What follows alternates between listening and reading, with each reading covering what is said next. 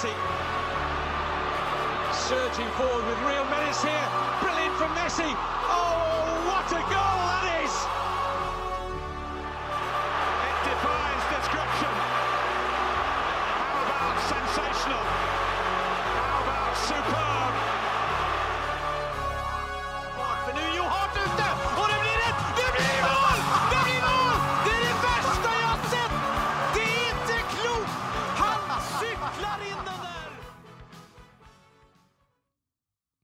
Da er det en glede å ønske velkommen til episode 175 av den eh, Legendariske. legendariske 175, er ikke det rundt tall? Nesten. Skal vi feire bursdag? 175 år, det er ikke, er ikke, alle, som, er ikke alle som får lov til det. 175 år, faktisk! Der hørte dere Mats Granvold som vanlig med oss. Det er ikke mange episoder du har gått glipp av. Nei. Det er jo her jeg bor, så Er du jeg har ikke, så lange veien. Søren Dupker, du har litt lengre vei. Ja, en halvtime med bil. Så jeg kan Og så har du 25 ikke skifta til sommer-vinterdekk ennå. Nei, det er neste onsdag. Og jeg er heldig. Uh, nå, at- altså, kulde, det kuldefallet kommer jo Jeg trodde du skifta i august, jeg. Nei! Problemet er at den, eh, den bilen eh, Det er jo samboeren min sin, og hun har piggdekk. Og de har vi bestemt oss for å trekke på så seint som uh, mulig. Og nå var vi jo heldige med tanke på været. Det har jo vært mildt så langt i november. Men jeg var litt nervøs i dag tidlig om uh, det var kjøreforhold nok til at jeg kunne kjøre hit. Det var det jo heldigvis. Det er jo tørt ute på veiene, så det er ikke noe problem. Og så blir det jo siste kjøretur nå i dag, før det blir skifting til vinterdekk neste onsdag. Altså, du skifter ikke dekka sjøl, altså? Nei, nei, nei. Det, det skal folk gjøre som er betraktelig mer handy enn meg. Nei, jeg, jeg, Følger du med på dem når de skifter dekk, eller? Nei, jeg veit ikke. Jeg har jo ikke gjort det før. Jeg har jo ikke hatt bil før. Det er jo uh... Men øh, jeg kommer ikke til å gjøre det. Så jeg nesten når du rygga i forrige uke her, at du ikke hadde bil.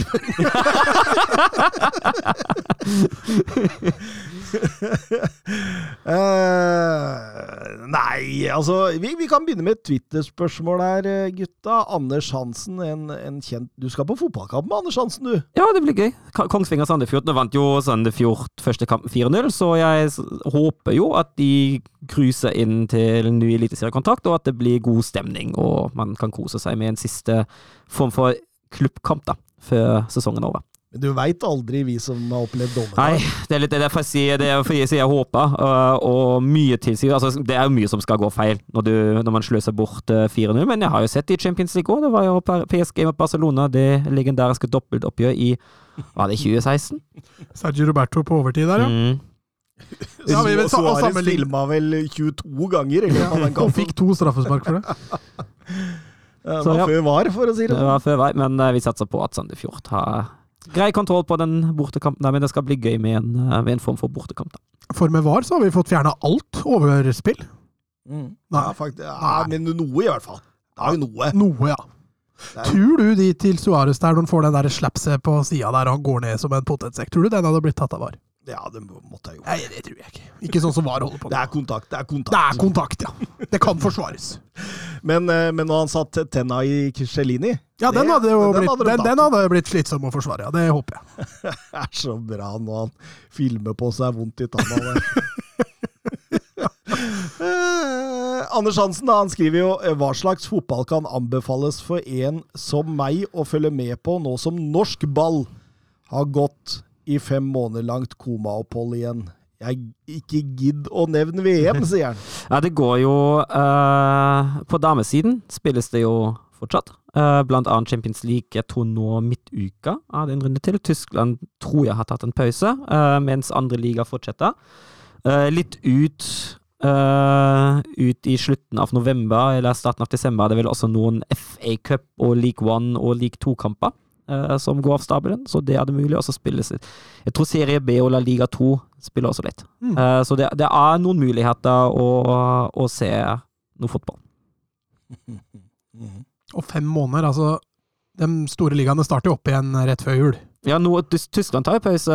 Ja, de tar vel hele pausen sin Ja. nå. Og så er det jo klart, Norge spiller jo ikke før i mars. Da er det jo Nei, nei, nei, for jeg sier at Men Premier League den er i gang boxing day, Yes. så der må det være mulig å hente ut noe. Og La Liga og tror jeg er i gang igjen i Al- Altså er det jo mye glede å hente i treningskamp nå.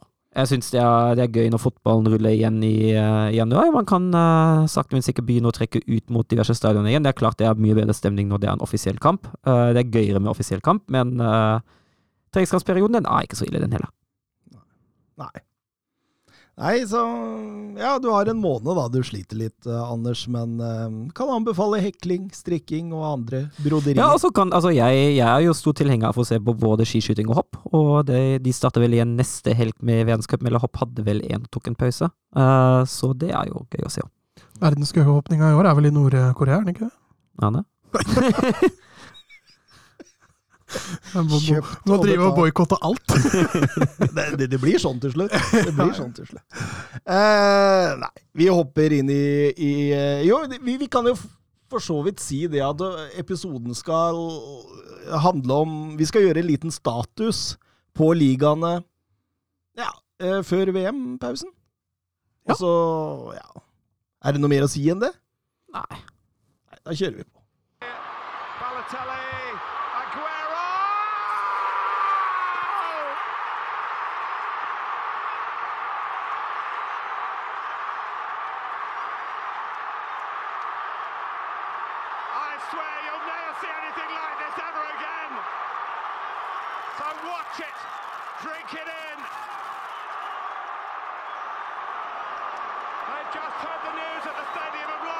Ja, og um, ligalederen i Premier League, faktisk med hele fem poeng, de er eh, Det er Arsenal, det! Ja, og de har hatt en imponerende høst. Uh, det har jo sett uh, veldig bra ut. Vi har snakka litt vi har snakka litt om det òg, og jeg syns jo i tillegg til, til godt offensivt spill, som nå Ateta har klart å utvikle, har vi også en, en form for defensiv stabilitet. Jeg syns det ser bra ut i alle retninger, og eh, vi har, vi har eh, snakket lenge om når de egentlig er, eh, blir en tittelkandidat. Det var jo noen avgjørende kamper da mot Liverpool og mot Tottenham, og vi kan vel si at de er det. Jeg tror ikke de vinner til slutt, men at de er en tittelkandidat, det er de så absolutt. Og det skal, mye skal gå feil om ikke de havner i topp tre til slutt. Ja, topp tre, det, det, det gir dem, altså. Det gjør det. Og jeg, jeg føler jo liksom det fra, fram mot VM nå, så Siden de var med i, i Europa League, og at det var en såpass grei gruppe at de kunne bruke reservelagsspillere og juniorer gjennom hele gruppespillet, så, så, så, så gir jo det selvfølgelig en vanlig fordel, altså en god fordel. Det gjør jo det, i motsetning til disse som har slitt seg gjennom et knallhardt Champions League-gruppespill. Og, og de har dratt eh, litt fordeler av det samtidig. De spiller bra, de har hatt litt flyt, det har de hatt også, men gode lag skal ha det. Så, så jeg, jeg kan ikke se at de ikke kommer, i hvert fall topp fire. Det, det, det, det må skje, føler jeg. Ja, og som sagt, det ser jo stabilt ut. Det har ikke rakna heller. Eh, på ingen måte, egentlig. Uh, og som du sier, de, de jevne kamper da de var nære på, uh, som for eksempel Leeds, da de hadde en del flaks, noen hadde kanskje påstått at det var griseflaks, eh, de tupper de likevel i sin favør. Mm. Mm.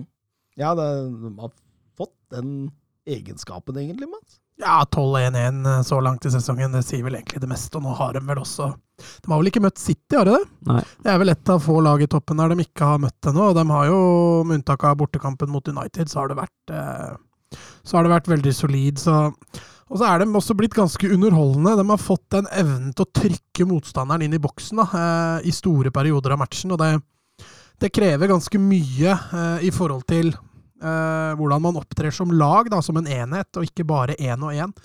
Og det er der jeg syns Arsenal har kanskje tatt det største steget. Da, eh, det offensive. eh, Ettertrykket, alt det som henger sammen der. og eh, Jeg er jo helt enig med dere. Altså, det er jo bare får vi si da, 11 poeng ned til femteplassen foreløpig, men den fjerdeplassen virker jo veldig safe akkurat nå.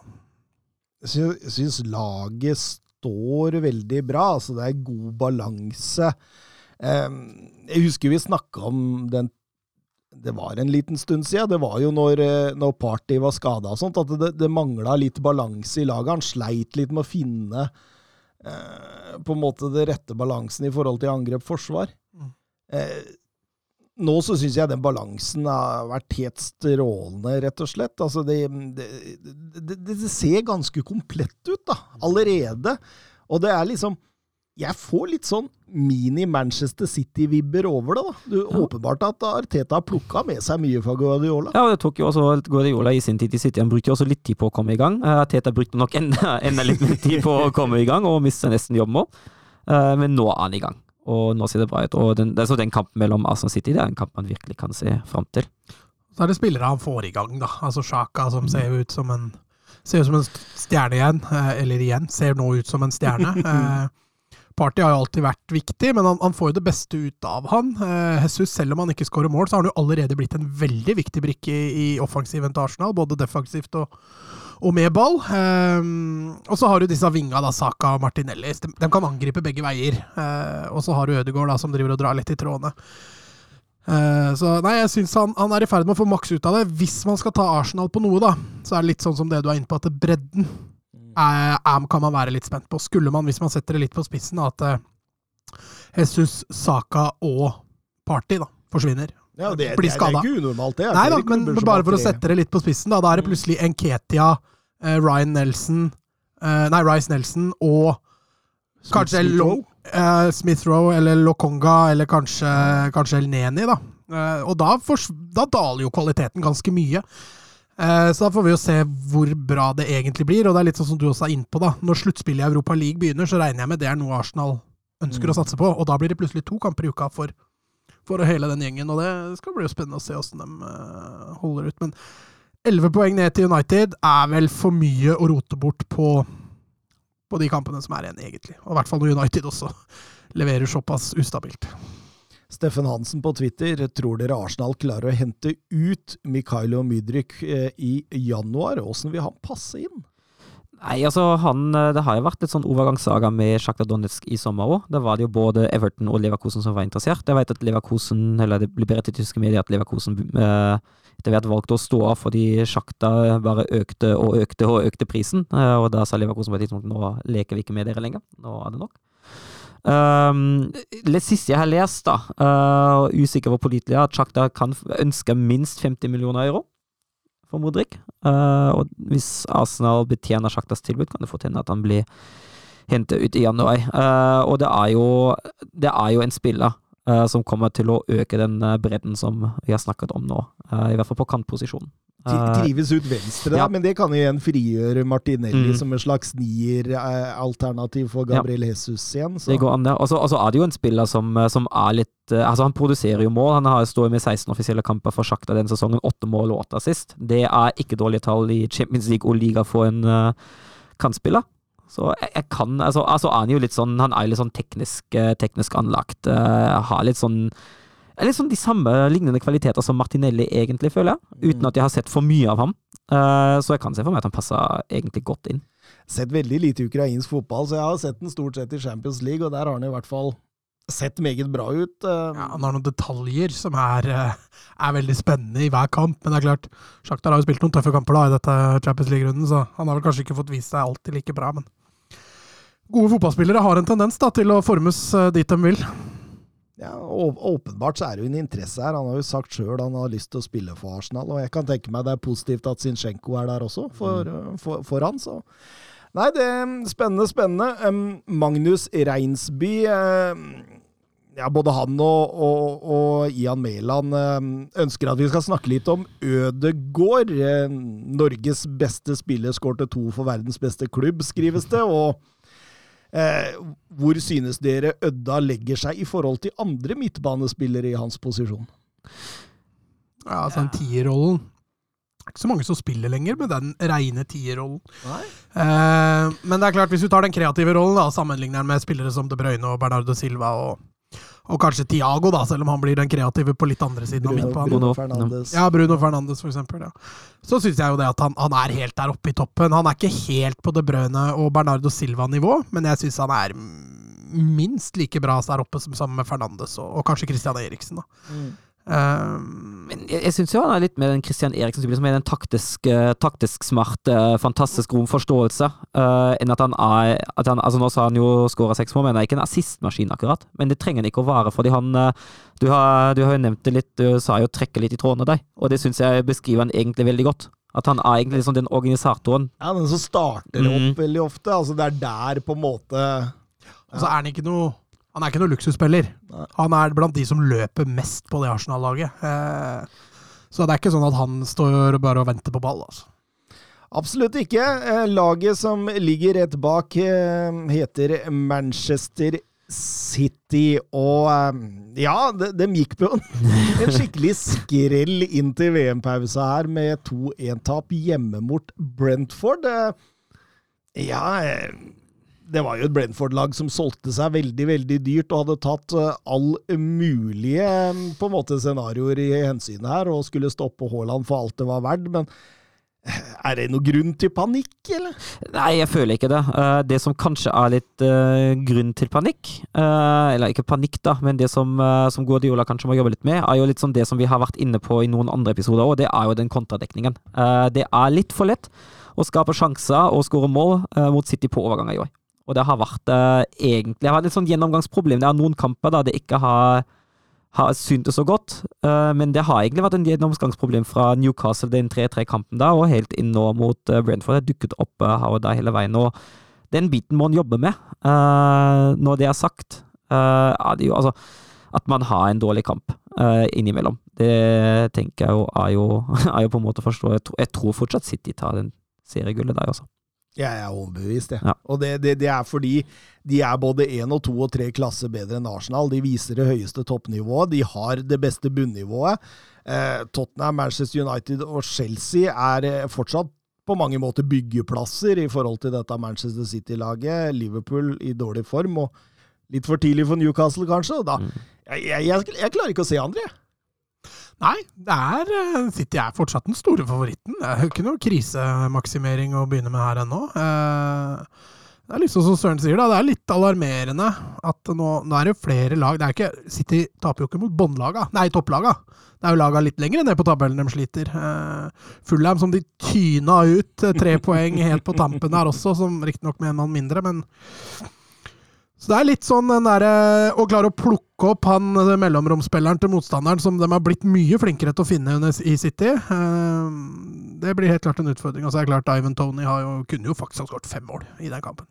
Men, men, men jeg tror kanskje de lider litt av at de ikke får satt en hel klar eh, firer bak. Altså, det er jo ekstremt mye utskiftninger der. Altså, Walker skada. Eh, De har slitt med fysikken til Diaz. Eh, Cancelo har jo spilt begge bekker ofte. Stones ut høyre, Akanji ut høyre. Plutselig er Akeine som både stopper og venstrebekk. Plutselig er Sergio eh, Gomez inne. Laporte. Ja, Laporte eh, blander seg inn i miksen der. Så det, det er, det, altså, du, du har jo ikke en klar firer her. Nei, det har vært enorm rullering, rullering og Ruben Diaz har jo sittet ofte på benken og kommet inn siste når det skal trygges noe eller et eller annet. Stones, som er, er jo en, en reserveløsning på høyrebekken, eh, er jo langt ifra optimal, og du ser kampene hvor Stones spiller, så Cancelo flytter seg tidlig fram, Stones trekker seg litt inn, og så spiller de plutselig med en treer bak. Det har ofte vært gjengangsmelodien når de spiller med, med John Stones, så den blir litt hemma offensivt når man spiller sånn.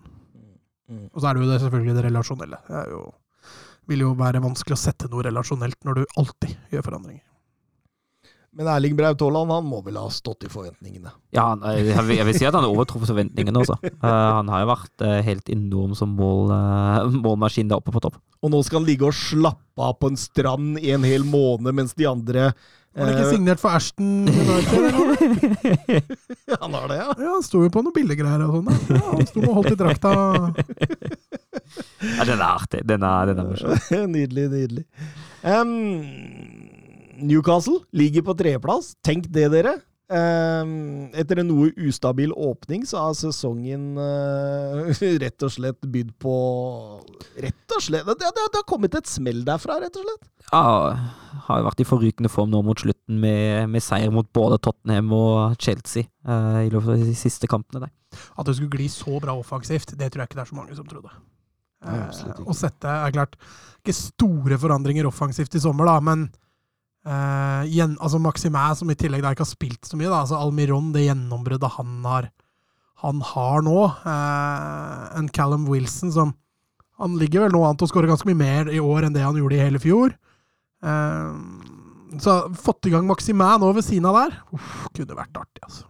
Altså, de åpna jo ikke veldig godt. De hadde vel åtte poeng på sju serierunder, tror jeg. Eh, så fikk de den 4-1-seieren borte mot uh, Fulham i runde åtte, som på mange måter var vendepunktet. Og det var også starten på rekka til Almiron. Han har jo tatt fullstendig av etter det der. og eh, Altså, vi, vi, har jo snakka om Eddie Howe, og vi visste at han kunne angrep, men vi var litt usikre på det defensive. Men vi snakker jo om et lag her som slipper inn minst sammen med Manchester ja, City nå. Det skal jo sies én ting, da. Uh, uh, når du ser at både Arsenal og Newcastle har 11 baklengs. Uh, hvis vi ser på expected goals against, da, så står Arsenal på 11,81, mens Newcastle faktisk står på 17,45. Så litt grann tur har de hatt i det defensive. Mm. Flyt. Veldig flyt har de hatt. Mm. Ja, og du ser også Nå har jeg Tottenham-kampen best i minne, men jeg husker også den tette kampen de hadde mot Chelsea. At de har jo evnen til å på en måte trekke det ut, bli kyniske og, og, og, og virkelig frustrere motstanderen mot slutten av kampen. og det, det, er jo en side jeg egentlig ikke har sett så mye av av Eddie Howe. Og så må det sies det at vi snakka om Erik Ten Hag, at han gjorde flere spillere i Manchester United merkbart bedre. Det, det, det samme skjer jo her. Mm. Ja, Fabian Skjær ser jo, ser jo plutselig veldig strålende ut. Båtmann har jo fått en fått en uh, glimrende start. Så han, og til og med Sean Longstaff er jo plutselig mm. blitt en brukbar fotballspiller. Så han, han, men, men, jeg tror også det er litt rette typene for han å lykkes med. da. Altså En Sean Longstaff som, som er en maskintype. Uh, samme litt egentlig med Fabian Skjær. Så, men det at han har fått Almiron til å skinne så fælt, den er kanskje litt mer overraskende. Og Jo Linton. Ja, og Jo Linton er ikke minst. Helt ny rolle. Så, ja, han har vært litt potet. Uh, blitt flytta litt rundt på i år, han. da.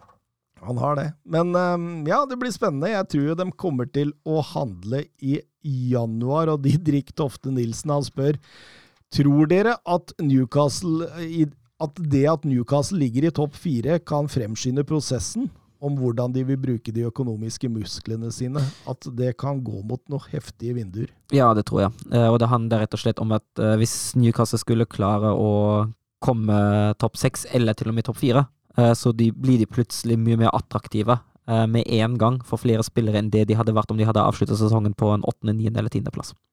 Da har man andre muligheter og kan handle på andre hyller. Absolutt, absolutt. Jeg tror Jeg tror ikke det kommer allerede nå i januar. Det kommer noe. Ja, det gjør det, men det blir ikke Mbappe. Nei, det blir ikke Mbappe. Det, det, det er jeg helt sikker på, ja. Um, Fredrik eh, Konradsen Tenker dere Newcastle har en reell topp fire-mulighet, og har Eddie Howe overgått forventningene dere hadde til? Uh, ja, lite grann. Uh, jeg så på Eddie Howe som en veldig solid manager, uh, som, men som har et tak, sånn som vi har snakka om tidligere. Jeg syns han har overgått seg sjøl og forventningene en god del, egentlig, i forhold til hva han har fått til på så kort tid. Da. Han gikk jo inn og redda dette prosjektet egentlig fra dag én, og som du sier, fikk en litt trå start i år, men det har jo glidd ekstremt bra. Eh, så jeg, han har overraska litt positivt. Jeg vil si det. Ja, og så har de jo, jeg er helt enig, og så har de jo en uh, reell topp fire-sjanse, selvfølgelig. Tottenham er ett poeng bak. Uh, United er fire poeng bak med én kamp til gode. Liverpool åtte poeng bak med én kamp til gode, og Chelsea ni poeng bak med én kamp til gode. Så det, det blir en hard kamp uh, innen døra, men at de har en sjanse, om de fortsetter i det sporet som de har vært, ja, selvfølgelig. Altså Det som gjør at man føler at de har en bra sjanse, det er fordi Liverpool, United, Chelsea, de varierer så voldsomt. Altså, De kan fint finne på å ryke 4-0 borte mot, uh, mot, Brentford, ikke sant? Og det er klart, da øker muligheten for Newcastle, for de ser jo ganske solide ut. Og da er vi litt tilbake igjen til det Arsenal-greiene med at det skal bli spennende å se om stallen er tjukk nok. Uh, og Newcastle har jo ikke noe Europa, så de vil jo i større grad kunne hente seg inn i midtukene. Og svært få VM-spillere. Mm. Som også kan være et uh, tegn her. Ja, Det er en fordel, definitivt. Å kunne trene med hele troppen, eller nesten hele troppen til stede, istedenfor at uh, spillere kanskje kan være sliten og skada tilbake. Mm. Mm, jeg tror de, de, de, har et kjempefordel i, ut av VM nå, så spørs det hvordan de bruker den. Eh, veldig, veldig spennende. Um, Tottenham Ligger på eh, fjerdeplassen. Den har jo egentlig Tottenham nærmest gjort til sin de siste. Ja, de abonnerer på det? ja, de gjør det. Åpna solid, eh, så blei det en del skader, og så har det blitt mer varierende. Hva, hva, hva tenker vi om dem? Jeg tenker jo at eh, det du er inne på med skader, det har jo veldig mye å si. Jeg tenker at det vi har vist, hvis vi snakker om bredden i Arsenal, må vi også snakke litt om bredden i Tottenham. Den har ikke vist seg å være på det nivået som man kanskje skulle ha ønsket, med Tottenhams øyne. Eh, Veldig viktig for dem at Kolosevskij kommer tilbake nå. Han har jo vært, eh, han har jo vært veldig, veldig bra. Eh, Særlig, særlig offensivt, syns jeg. Eh, Den bredden uten Nå er en av de topp tre, da. eh, Sånn Kane og Kolosevskij er ute, syns jeg det, er, det blir ganske merkbart allerede. Og det er viktig å ha, å ha de med igjen. Og når da i tillegg to er borte, Mm. da blir det jo Ja, da blir det Og da, da begynner også Konto å famle litt, så Mm. det, det ser du. Og det, nei, det er ikke bra. Han, han er veldig tro, han også, mot sitt system. da. Eh, så når spillerne mangler fra systemet, så ser du han blir det blir litt mer usikkert. Jeg syns Leeds-kampen oppsummerer sesongen til Tottenham egentlig ganske bra. Eh, er du ikke enig? Jo, det, det var voldsomme greier. Ja. eh, de vinner jo til slutt, og det er jo sånn jeg føler de ligger an nå, at de har kommet OK ut av dette her. Eh, men på veien dit så har det vært veldig opp og ned. Ja, altså, litt sånn, jeg, jeg føler at vi til tider, og det gjelder både Leeds, uh, Burnmouth og sikkert andre kamper, at vi er litt sånn inn i Dortmund i fjor. At man varierer voldsomt, ikke bare fra kamp til kamp, men også innad i kampene. Og det, det, er, Liverpool òg, kan du nevne. Ja. og det er et eh, problem som man må ta tak i.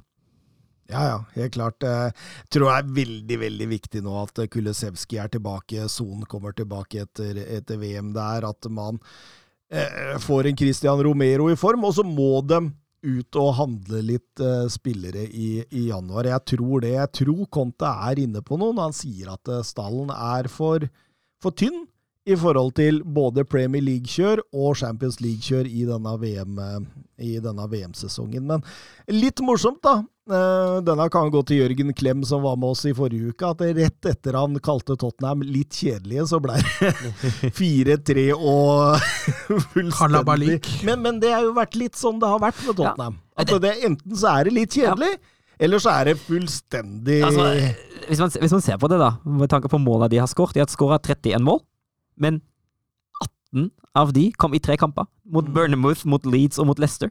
Mm. Det er jo ganske fascinerende statistikk. Men samtidig så har de jo den tredje eller fjerde beste XG-en til sammen. Satt og tenkte 18 mål. Yes, 13, 13 ble det av de. 18? 13. Nei, jeg tør ikke å si Nei, noe. du har rett. Nei, 13, 13 kom i løpet av tre kamper. 18 har de skåret i de resterende tolv. Mm.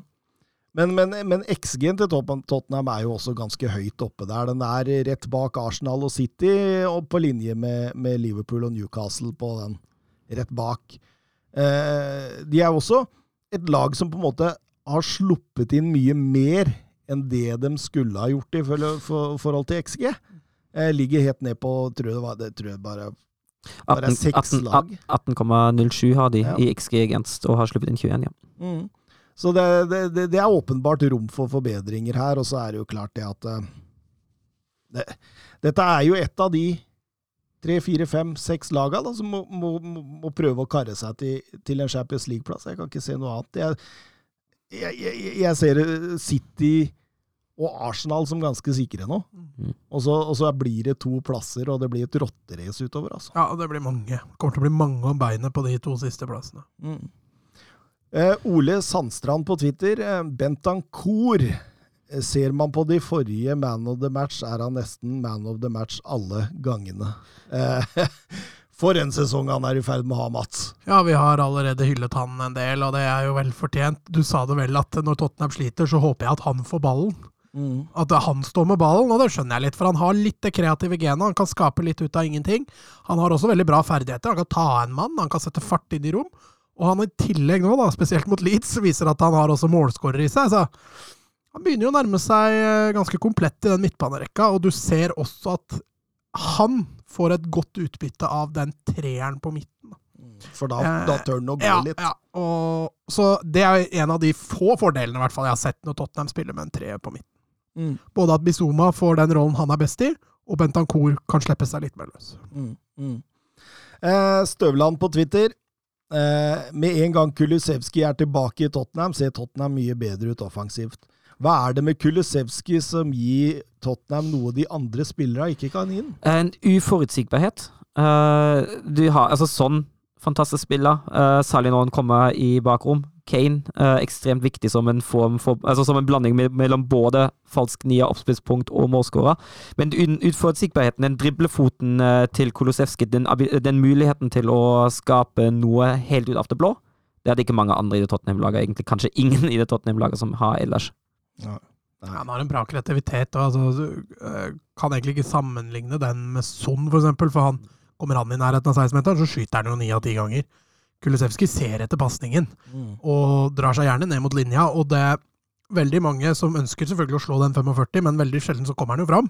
Men han har en tendens til å få fram de fleste. Altså, så Nei, Han er en veldig skapende spiller, da. Og det er klart, sammenligner du han med Emerson Royal og sånn, og det de har hatt på den høyrekanten, da, så er det klart Det skal jo ikke så mye til heller for å, for å forbedre det.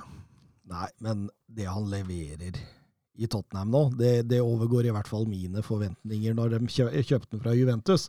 Jeg skjønte at han var arbeidsom, at han jobba knallhardt og hadde en bra fysikk, og, men jeg, jeg syns jo han viser seg Han er veldig direkte. Han er ekstremt god én mot én. Eh, går både innover og utover. Veldig ofte utover og ned på linja, som, som Mats er inne på.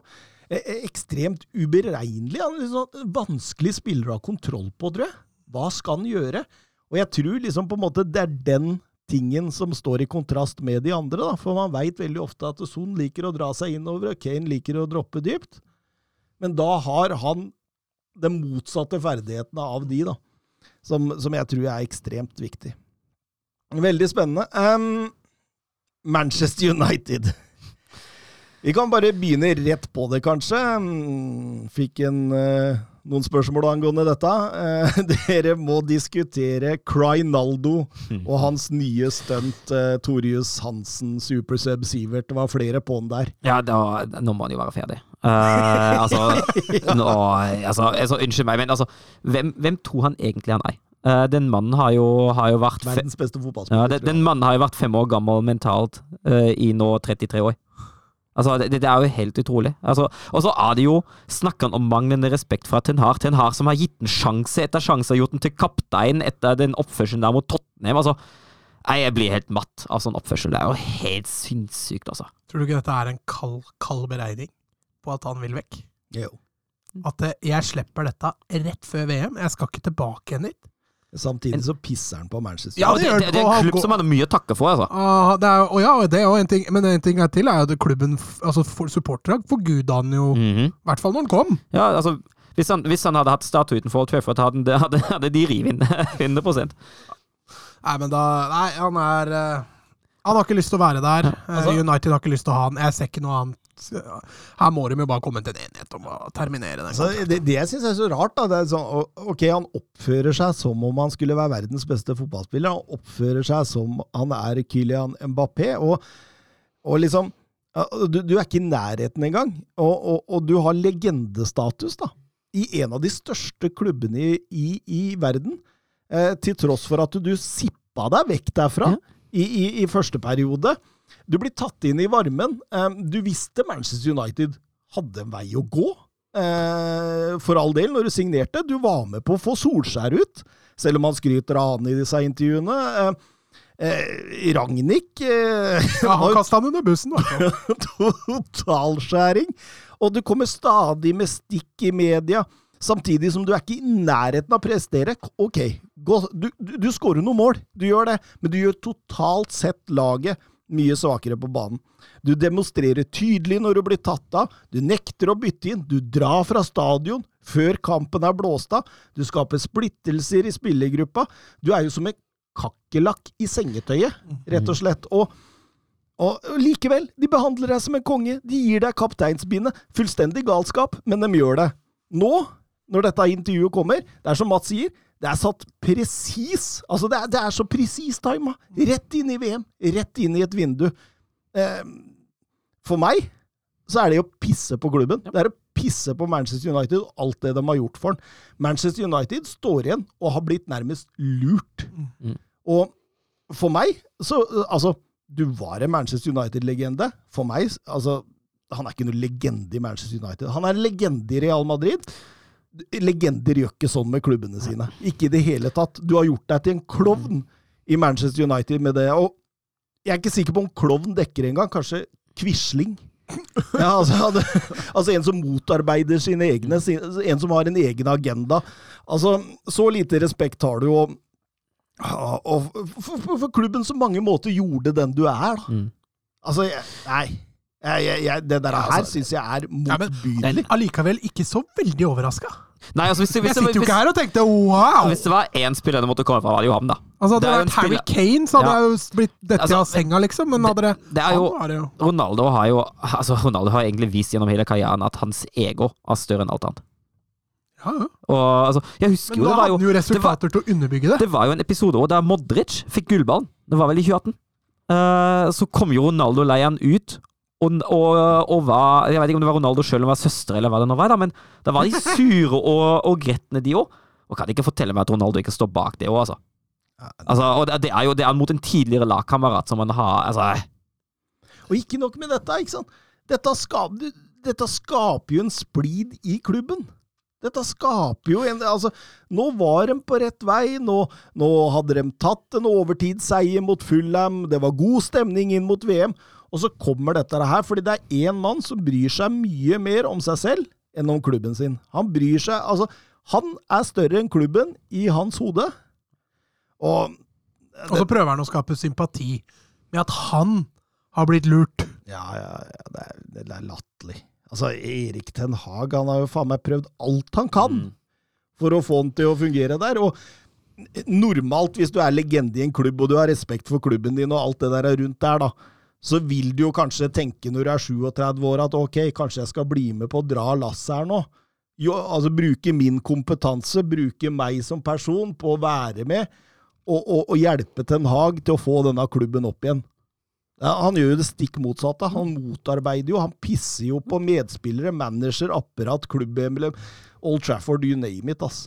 Det er, det er fullstendig forkastelig. Hadde jeg vært Manchester United-supporter, jeg hadde faen meg brent alle draktene jeg hadde hatt. det, er jo, det er jo på mange måter Manchester Uniteds Max Kruse, så Men prosjekt Ten Hag, stadig bedring, eller? Ja, de har jo hatt noen setbacks underveis, men, men de plukker jevnt og trutt med, med poeng. De viser at de har flere unge, lovende spillere. Garnaccio nå, som ser ut som skal kanskje få et gjennombrudd. Kommer han Eh, inn i VM-troppen, hørte jeg, kan- muligens? ja, han Uh... Correja, som kanskje kommer på skadelista. mm. Uh, og, um, og så har de flere unge der. Sancho har jo vært skada siste tida. Uh, så nei, vi får se. Mm. Nei, det blir, det blir spennende. De, de, de har noe på gang der, og, og Ja, altså jeg, jeg, jeg er fortsatt litt, litt usikker. eh. Det er litt sånn den stabiliteten. Den er ikke helt der. De, de kan plutselig finne på å, å ryke mot uh, Nottingham Forest eller Southampton. Det kan de. Ja, men det Eh, har litt med den defensive stabiliteten å gjøre, for den ser du svinge veldig fra kamp til kamp. Altså, de, de sliter ofte med å komme opp i motstandere i tide, spesielt utover i andre omgangene. Synes jeg de sliter med det, og der er jo tapet av Varan er jo veldig synlig. Eh, for da mister de plutselig litt styrke og fart bak der. Eh, og, og så har de ikke bredden. Altså Du veit når McTominay, McFred kommer inn der, så da, da senkes kvaliteten, og da, da er det som regel for å trygge, da. Eh, de har funnet en bra trio på midten nå. Eh, Casemiro, Eriksen og Fernandes. Og de tror jeg er nødt til å spille, altså. Skal dette bli, eh, bli bra. Eh, så fort de gjør et bytte på den midten, da er det McFred eller Donny, Donny van de Beek. Og det, det er et stykke unna, altså. Og så blir de vel tvunget til å hente en nier i vinter. eh. ja, det, må, det må de jo. Eh, forsvinner jo Må jo forsvinne en ut. alltid snakka om det at de trenger en sånn boksspiller frami der, og så har vi dratt fram Calvert Lewin som et eksempel, men han har jo vært kronisk skada. Så tenkte jeg Ivan Tony! Det kunne vært en spiller som kunne Ja, men gått inn der, men nå har jo han Er ikke han, er ikke han litt i trøbbel òg? Jo, han er det. Var det Trippier som fikk ti ukers suspensjon for fire bets, og Ja. han slår til med 232? Mm. Han er jo ute i hvert fall eh, Ja, Hvis han skal følge Trippier nå, da, så er han jo i hvert fall ute i en to, tre, fire år. Altså, hvor urutinert Altså, jeg turte ikke å satse på kampene til Gjelleråsen, liksom, når jeg var assistenttrener. Og så sitter han da i Premier League og better på stort, liksom. Nei, det blir eh, Jeg skjønner at det blir feil, ja. Liverpool Sesongen så langt har minna litt om 2021-sesongen, eller? Ja, i hvert fall vært voldsomt ustabilt. Uh, har jo hatt noen, uh, noen kamper innimellom, da, blant annet seieren mot uh, Manchester City. eh, som har kanskje pekt litt i riktig retning, men eh, sett under ett har jo Liverpool ikke sett ut som seg sjøl. og man har ikke klart å, å plukke poeng jevnt og trutt. Og da er resultatet nå en eh, sjetteplass så langt. Ja.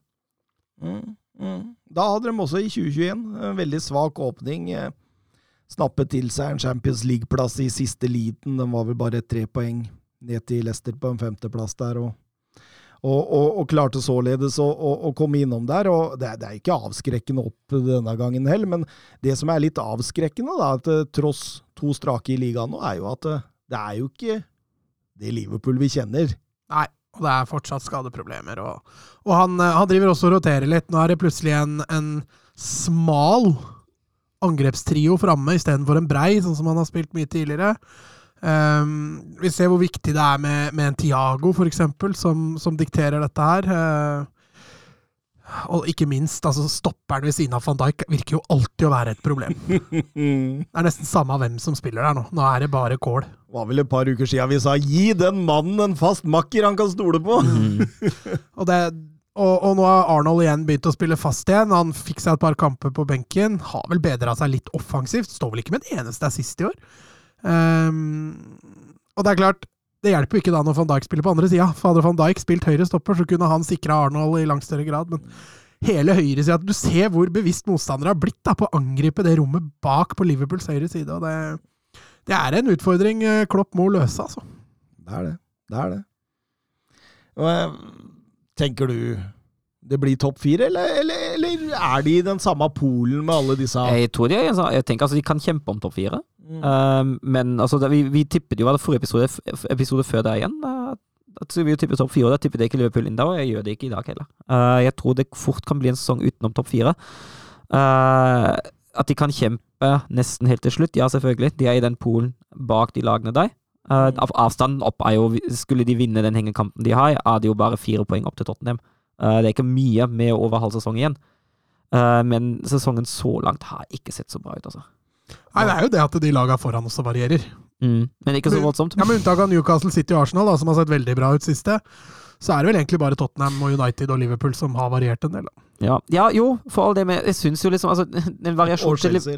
Ja. ja. men Chelsea ligger jo bak dem. Den, den, den, slipper, vi, vi regner ikke dem mer. ja, men de, slipper, de behøver ikke å ta igjen. Men jeg, de er jo allerede bak dem. Jeg syns en variasjon til Liverpool er litt verre med tanke på at de har mistet litt sin identitet.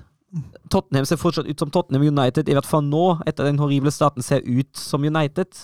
Liverpool ser ikke ut som seg sjøl heller. Jeg syns jo det var et bra steg mot Southampton, selv om Southampton er ja, men, svake, men Ja, det er, jo så 15, da. Jo, jo, men det er en kamp de hadde tapt tidligere. Altså, hvem var de røyk mot hjemme her, eh, som var litt overraskende? Leeds, ja. Magnus Reinsby vil at vi skal snakke om salget og, og veien videre. Jeg leste at Indias rikeste mann nå, Ambani, altså Mukesh Ambani, vurderer kjøp nå. Han er den sjuende rikeste personen i verden. Um, skal også være en annen inder. Uh, ingen av dem inkluderer noe sportswashing eller skitne penger. Og, og det har jeg også forstått at eh, Fenway um, også er ganske klar på at de selger ikke til hva som helst. Og det er veldig fint. Det er veldig fint å høre. Uh, for det var jo i hvert fall min største bekymring at nå kommer det enda et sportsforskningsprodukt, og det har vi sannelig nok av. Trenger ikke flere. Uh, så det, det, er jo godt å høre at det blir en, uh, en redelig eier. Så har jo Liverpool-supporterne fortjent en eier òg, som i motsetning til f.eks. Glaciers i United faktisk bry seg om klubben, og ikke bare eier den klubben for å få mest mulig profitt. Mm. Så for dere skyld håper jeg jo at det blir en sånn. Men med, men med Ambani, da, uh, som er så rik som han er, uh, den vil jo dra på en måte det positive av sportswashing. Uten at det er det. Det må jo være en perfekte eier vi snakker om her. Har så mye cash du bare kan tenke deg. Men alt kommer fra lovlige midler. Mm. Tross alt. Så det, det, det er interessant. Det, det, blir, det blir Altså, det vil jo ikke ha noe å si på kort sikt, dette her. Eh, men eierskifte er jo uansett alltid en risiko, så det blir, det blir veldig spennende å, å, å se. Um, men jeg tror Liverpool-fansen kan puste letta ut i forhold til at det blir ikke noe Bahrain eller, eller, noe sånt noe. Det, det er det greit. Ja, Da slipper man i hvert fall diverse moralske dilemmaer hvor man skal forholde seg til egen klubb, for det er ikke noe gøy. Eh, siste klubben i Premier League vi må snakke om, vi må jo ta turen til Stamford Bridge. Um, Tuchel um, falt jo på mange måter under Roman Abramovic-imperiet, selv om det tok noen måneder til. Og, og nå er det en helt ny era, og Ja, åssen har, har det gått for denne Potter? Vi kan jo Han har jo fått en fin start. Uh, har variert litt og prøvd litt ting og alt det der. Det har han jo egentlig gjort gjennom hele perioden. Uh, og så kom jo den der bortekampen mot uh, tidligere klubben Brighton, uh, som endte i 4-1-tap. på siden hadde vel hatt én seier i Champions League mot Dinamo Zagreb, riktignok. Men siden har det, det har- Det har vært en knekk, den kampen der, føler jeg. Da, siden har det jo egentlig ikke gått så voldsomt bra med uh, to tap i serien i én ligacupen. Jeg er ikke til og med tre strake tap, Ja, i, i, i den, den, den mot City ja, i ligacupen. Så det, det, det, det, det er ikke noe særlig bra, dette her. Og eh, Bernt Olav Gjellegjerde Hansen han spør kan det hende Potter og Chelsea var en gedigens mismatch. Det ser jo ikke bra ut! Ja, men jeg syns da skal man gi dem litt mer tid, altså. Uh, hvor mange kamper har han hatt nå? Han har jo hatt midtukekamp etter midtukekamp etter midtukekamp. Han har jo ikke hatt sjansen til å, til å eh, trene opp noe særlig, da. Eh, jeg mener fortsatt at Gary Potter er en veldig god trener. Eh, så får, han- får vi se hvor god han egentlig er, om han er god nok for Chelsea. Uh, det må han nå vise. Men jeg tenker i hvert fall man må gi ham litt mer tid, og også et overgangsvindu. Til å få sjansen til å forbedre Nei, og Man må jo få to overgangsvinduer, spør du meg.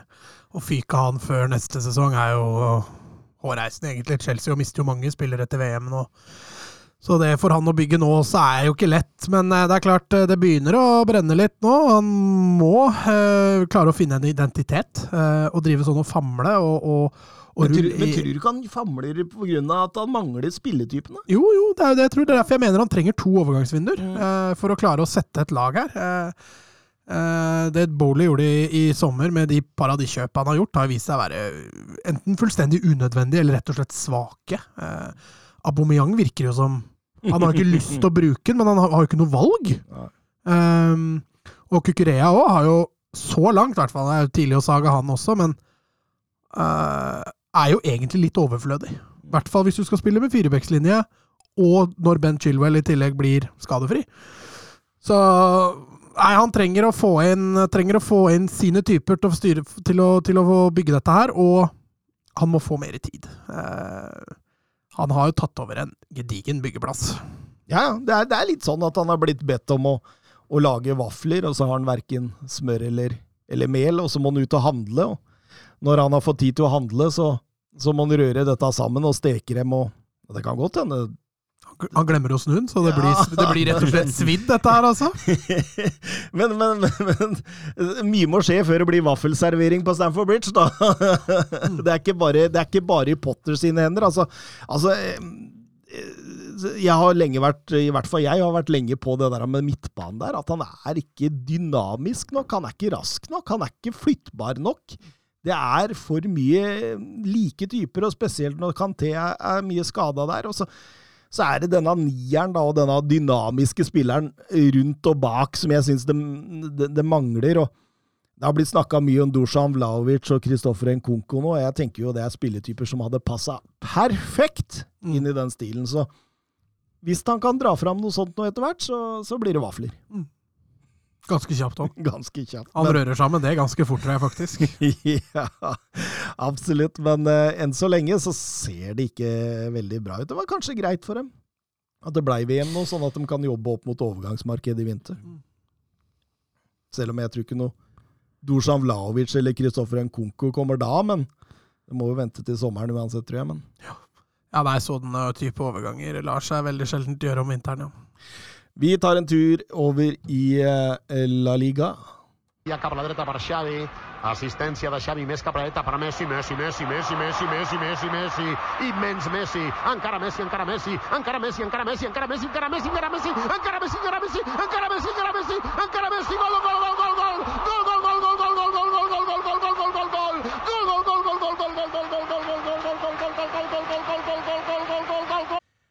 Og i La Liga, der leder Barcelona. Ja, Mats. eh, Dette kjære laget ditt som spiller på Spotify Camp nå, de Du liker å kalle det det. Ja, det, det kommer jeg til å gjøre fram til vi legger ned podkasten her, faktisk. Stort sett eh, vært sta altså, man, man kan jo på mange måter si med Barcelona at man har hatt god suksess i La Liga, og så har man hatt en dårligere vibe gjennom Europa. At man rett og slett på en måte Det har vært litt todelt, da. Ja, det er det ingen tvil om. Ehm, men de hadde jo en dårlig periode etter forrige landslagspause. Og det fucka opp Europa. De tapte ehm, De tapte mot El Clásico, og så hadde de også en Nei, uavgjorten kom før. Men den perioden der ødela for dem i Champions League, og tapet i, i El Clásico, så de må, de må de har likevel, Det blir spennende å se hvordan de reagerer på denne landslagspausen. Ja, for den er Bar- stor. Barcel ja, men Barcelona er også det laget som sender flest spillere til VM. Ja. Sånn at de, de mister jo så å si alt. Ja, så der er det jo ikke mulig å jobbe noe. Ja. Så, og, og i likhet med England så går de også ganske kjapt i gang i La Liga etter VM, så jeg håper bare det kommer elleve mann tilbake som ikke er skada. Mm, mm.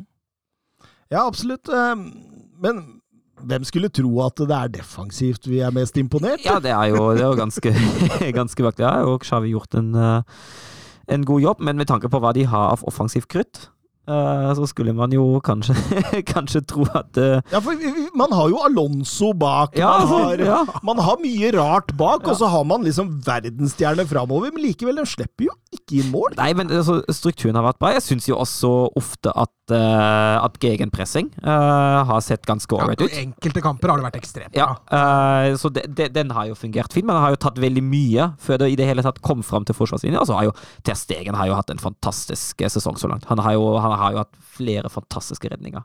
Jeg ser Alonso starter nå, så håper jeg det er som stopper, faktisk. For han gjør mye bedre der, eller mye, han gjør det bedre der enn som venstrebekk. Ja. Men det er klart, Baldé på høyrebekk, altså det, det er der skoen trykker litt nå, da. Eh, så så Laporta var ute og sa at man fortsatt ikke har midler til å kjøpe spillere eh, i dette vinduet her. Ja, Det Men- var, var vel mer det at FFP Yes, drar dem. yes. Ja. eh, og det betyr at eh, den høyrebekken blir nok ikke løst allerede nå i sommer, og, det er der skoen åpenbart trykker mest. Offensivt så er det jo det off Det virker som han alltid starter med feil kanter. Mm. Uh, han bytter seg ofte bedre, da. Uh, uavhengig av hvem han starter med, eller hvem som sitter på benken. Så det er litt der man kanskje kan stusse litt på det, på det offensive så langt. Men, men altså, Barca sammen med Real Madrid har jo skåret flest mål i La Liga også. Uh, de har like mange, så Offensivt også har det vært bra, men det har vært enkelte kamper hvor de har grinda ut en 1-0-seier. Men jeg tror det sett så langt, så, så lover det veldig bra. Og, så, og så kommer det litt for lite mål fra eh, midtbanetrioen. Altså, Pedri er riktignok oppe på tre mål, det samme som han hadde under hele fjoråret, men de tre superstjernene av noen indreløpere, som man på mange måter kan si, da, Frenkie, Gavi og, og, og Pedri, har kun fem mål til sammen på 41 kamper, og sjokkerende kun to assist i denne sesongen. Så det, man må jo vente mer bidrag derfra, tenker jeg, da. Enig. Men, men du ser måten Barca spiller på. altså Det er veldig sjelden løp i boks fra indreløpere. Mm. Pedri har kommet på noe, på noe dype løp, eh, gjerne da som ettertrykk, og det er jo der han har skåra måla sine. Frenkie de Jong ser jo ikke så mye ofte i 16. Du så en bedring mot, med Ronald Coman, hvor han plutselig var litt i 16-meteren, men nå nå har det vært fraværende. Samme gjelder Gavi. Han er jo egentlig best som førsteforsvarer i det høye presset. Eh, Gavi også, som har blitt henvist litt til benken i det siste. Eh, de Jong og Pedri, som åpenbart eh, åpenbart velges eh, på midtbaneleddet. Vi hylla jo Gerard Piquet her i, i forrige uke. Han gikk ut med et smell på El Sadar. Han, Ja, han- altså, han spilte ikke kamp engang, men fikk rødt kort. Og Ja. Han, han la opp med stil, han. Ja, siste orda på fotballbanen vil du gi. Nei, det har jeg ikke fått med meg, det må du si. Jeg har bare lest eh, referatet på engelsk. I'm gonna shit på your prostitute mother. Puta madre, rett og slett. Han uh, ja. Kan på mange måter si at han har tatt en form for Zidane, da. Han gikk ut med et smell. Ja. Eh, Ole Haaland på Twitter. eh, Ett år med Savi. Bør man være fornøyd med utviklinga? Ja, jeg syns det, med tanke på hvor redd Han altså, har jo stått sammen et halvt lag. Lewandowski var ny, Rafinha er ny. Ja, Ferran Torres kan vel kanskje ikke kalles ny, men han har jo bare vært der et drøyt år. Um, og du har også flere spesielt bak der, altså Christensen, Kessier, uh, Alonso, Beyerin. Uh, det er mange nye her som skal inn i dette laget. Uh, og med tanke på hvor solide Barca har vært defensivt i veldig mange kamper, så har han fått til Han har fått et grunnlag da, eh, som det er lett og enklere å bygge videre på. Eh, jeg tror det smarteste du gjør som ny trener, er å sette en god defensiv først. så du får det grunnlaget. Og der tror jeg Xavi har gjort en veldig god jobb. Og så er det ingen tvil om at også jeg, med fler, savner litt Tikki Taka offensivt. Mm. Real Madrid ligger to poeng bak, kom ut i hundre denne sesongen, vant Uefa supercup og, og tapte ikke poeng verken i La Liga eller Champions League før poengdelingen mot Osasona 2. oktober. Og er vel inne i en liten sånn down nå når VM kom? Ja, jeg syns det. Eh, Det har vært litt eh, Altså, det kom jo den klassiko-seieren kun noen uker etter det. Eh, men eh, det har jo vært litt sånn jevne resultater. Kom et tap til og med eh, i serien mot, mot Rajo og alt det der. Jeg syns jo den, eh, den formen der, den har sett litt, eh, litt dårlig ut. eh, Uavgjort mot Girona og gitt, gitt Ja, bort var, et poeng var, mot var, var veldig knepen den seieren mot Cádiz òg. Det var sånn slite Ja, så Men fortjent, da. Det må jo nevnes. Så jeg, jeg tror jo også kanskje Real Madrid er litt glad for at det blir en pause, sånn at man kan nullstille seg litt og angripe litt fra nytt. For altså, det, den kampen om gullet det er på ingen måte tapt med bare to poeng bak etter 14 kamper. Nei, men du ser også det der Benzema som har vært veldig av og på eh, denne sesongen. Ikke i form av form, men i form av at han ikke er på banen. Eh, Rodrigo som spiss er eh, et kjempetalent, og, og han tilfører noe de ikke har hatt før, men de mister mer når Benzema ikke er på banen. Eh, og for Real Madrid, det virker som det er langt fram for at Real Madrid skal vinne stort, da. Eh, sånn som de spiller nå, og, og, og du ser også lag blir bare mer og mer bevisst på Venitius. Eh, greier man å stoppe han når Benzema ikke spiller, så har man gjort en eh, Da har man allerede gått på vei for å sikre et godt resultat mot Real Madrid. Ja, for jeg finner ikke Venitius på verken topp fem i toppskårer eller assist. eh. Nei, Det er derfor jeg sier at de laget har blitt mye flinkere til det. Og, og begynner å se litt mer irritabel ut òg. Det virker som han liksom Ja, vi har jo hengt den ut nå tidligere for ikke lenge siden vi sang den her, for den overspillinga si, så det er mulig det påvirker han litt, grann, at han, eh, at han må finne en litt ny vei da, for å løse det. Du ser hvor bevisste lag er for å presse Real Madrid ut på sin egen høyre side, da, bare Mm. sånn at Vinicius ikke får kula. Hvor bevisste man er på å, på å hindre pasningen fram til Vinicius, og hvis man har muligheten, så setter man alltid to mot én på han, og da, da blir det jo mye vanskeligere. Ja, det er spennende, spennende å se hva som skjer med dette Real Madrid-laget. Jeg, jeg tror faktisk at jeg ville droppa Mbappe helt, den greia der. Og så ville jeg henta penger på Jude Bellingham inn som indreløper, og, og, og, og Victor Oshimen kanskje som en Benzema-erstatter, og så heller kjørt den veien, altså. Ja, det tror jeg jo. Altså, Mbappe som midtspiss har jo vist seg at det kanskje ikke er hans beste posisjon. Nei? Eh, og skal du hente Mbappe og sette han i beste posisjon, så må jo Venitius enten ut eller over på høyre. Jeg har sett mange PSG-kamper denne, denne sesongen, og han er jo helt klart best når han starter ut venstre, i Mbappe. Ja, ja, da kan skjære inn, enten rett inn i bakrom, eller, eller gå inn for skudd. Så jeg er helt enig med deg i. Um, så jeg, jeg er enig i det. Altså, Norskimen uh, hadde jo vært veldig spennende. Litt annen spisstype enn Benzema, men, men helt klart kan tilføre noe. Uh, Bellingham Modric har jo vært som en god vin. Han har jo knapt nok aldri vært bedre. Men Kroos er vel egentlig på vei ut nå, skjønner jeg. Ja, men så du, har du jo Kamavinga, da. Hvis du henter en Bellingham da, så sier du vel tydelig fra til Kamavinga at eh, du blir reserveløsning. Ja, men Mod altså, Modric kan, kan ikke holde på i evigheter heller, Det ser jo sånn ut. Jo, jo, men altså, det går jo ikke. På et eller annet tidspunkt sier de jo stopp. Hvor gammel er han nå? 30, 37. 37? Ja. ja. Det er, Så det, det- det er det er heftig, det imponerende. som indreløper i Det, Ja, ja, men det, han det, spiller jo som han er Ja. 28. det er fryktelig imponerende, det Luka Modric driver med. Mulig han er dopa, jeg vet ikke. Kan, kan. Spist noe, Han spiste noen kakerlakker. kakerlakker. kakerlakker i sengetøyet. Um, nei, men det er bra, men, men, men det blir jo en kamp mellom disse to inn. Ja, ja, og det har det vært siden tiende serierunde, egentlig. Uh, laga bak, vi snakker om varierende prestasjoner i Premier League. Det kan man jo absolutt si om laga bak Real Madrid og Barcelona i, i La Liga. Eh, Best of the rest, Real Sociedad foreløpig. Ja, på, ifølge tabellen så er det jo Mm. det. Eh, Bilbao har gjort, det- gjort det bra. De hadde en liten down, men, men avslutta nå sterkt inn mot VM. Eh, Atletico Madrid, litt motsatt, har jo sliter med å plukke poeng. Og Real Betis, ikke minst, fikk jo denne litt forsmedelige 1-1 mot Sevilla. Tror nok de følte at det var, eh, var et kjipt resultat. Og så avslutta de da med å tape borte mot uh, Valencia og fikk rødt kort og blei litt uh, kaos der. Og, så de også avslutta dårlig. Uh, og via Real under Kikkiset igjen har vi vært innpå. De virker jo nesten Fikk vel en seier nå, men eh, det også virker jo ikke bra. Så det er jo allerede ni poeng eh, for Real Madrid ned og elleve poeng for Barcelona ned. Så det virker kjørt.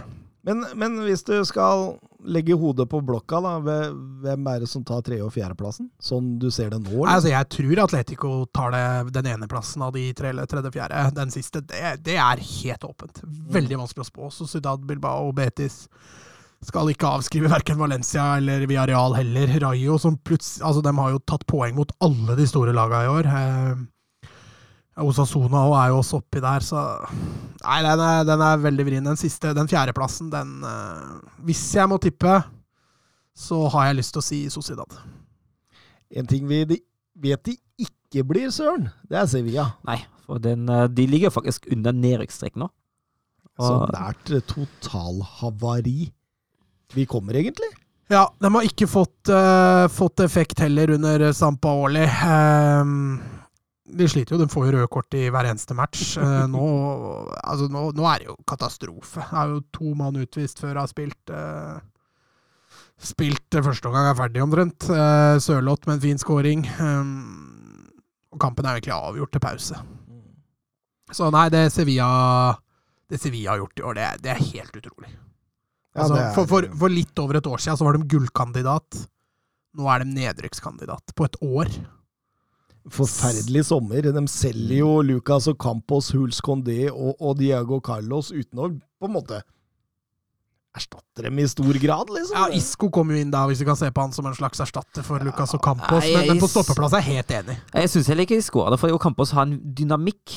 Eh, yeah, yeah, som, ja. ja, som ikke Isco har. Altså Isco er teknisk bra, for all det, det har kamp også, men det dynamikken, det rykket, uh, det mangler, det mangler Isco fullstendig. Men, Jo, men, men de har henta Janusai òg, da. Jo, jo, men Eh, kanskje litt bedre eksempel, da. Men, men altså, de har jo så mange i den posisjonen. Jeg er helt enig i at Lucas og Campos burde blitt, at de heller burde solgt noen andre. Men altså, de har så mange i den posisjonen. Altså, en Lamela, en Isco, en, en Oliver Torres, en Suso Men alle de er jo nesten like spilletyper. Ja, det er derfor Ja, jeg sier det. ja. At uh, Campos var kanskje, Ocampos var kanskje feil spiller å selge, men at de har for mange i den posisjonen til å holde folk fornøyd. Eh, så kan man jo heller lure på hvorfor de har henta Janusai, da. Eh, er jo for all del en bra spiller, men eh, han forsterker jo ikke det laget med tanke på spillerne de har.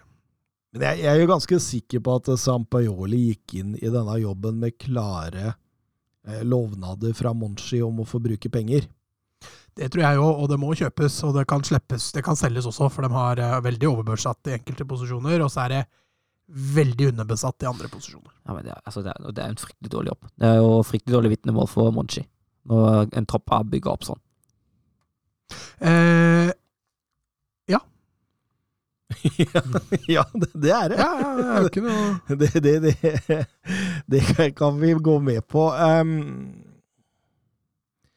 men ja, bak der eh, er det noe mer å snakke om. Eh, Genaro Gattuso, mannen, myten, legenden. eh, Åssen går det med den i Valencia, Mats? Han er jo et fyrverkeri på sida. Det er jo Altså, han er en liten attraksjon. Eh, og så har det vel gått i serien litt sånn som man hadde forventa. Eh, noen sterke resultater, noen ikke fullt så sterke resultater. Valencia-fotballen under Gattusso er kanskje litt artigere enn det man kunne, kunne forventa. Det er litt mer offensivt enn, enn det jeg trodde. Det skulle være mye kriging og mye defensivt organisering. Men uh, de tør å stå høyt ofte. De tør å, tør å by på seg sjøl, spesielt på Mestaya. Så, så er de offensive. og det det er litt artig å se dem også når de møter gode lag, for de, de byr virkelig opp til dans. Ja, helt klart. Og så blir det spennende å se, som vi er inne på, Atletico Madrid nå. Altså, hva, hva, hva, hva, jeg, jeg føler det var like greit for dem at VM kom, da. At eh, Nå er de ikke bare ute av Champions League, eh, de er jo ute av Europas spill overhodet. Eh, Ett poeng på de tre siste kampene på Cádiz, Español og Mallorca.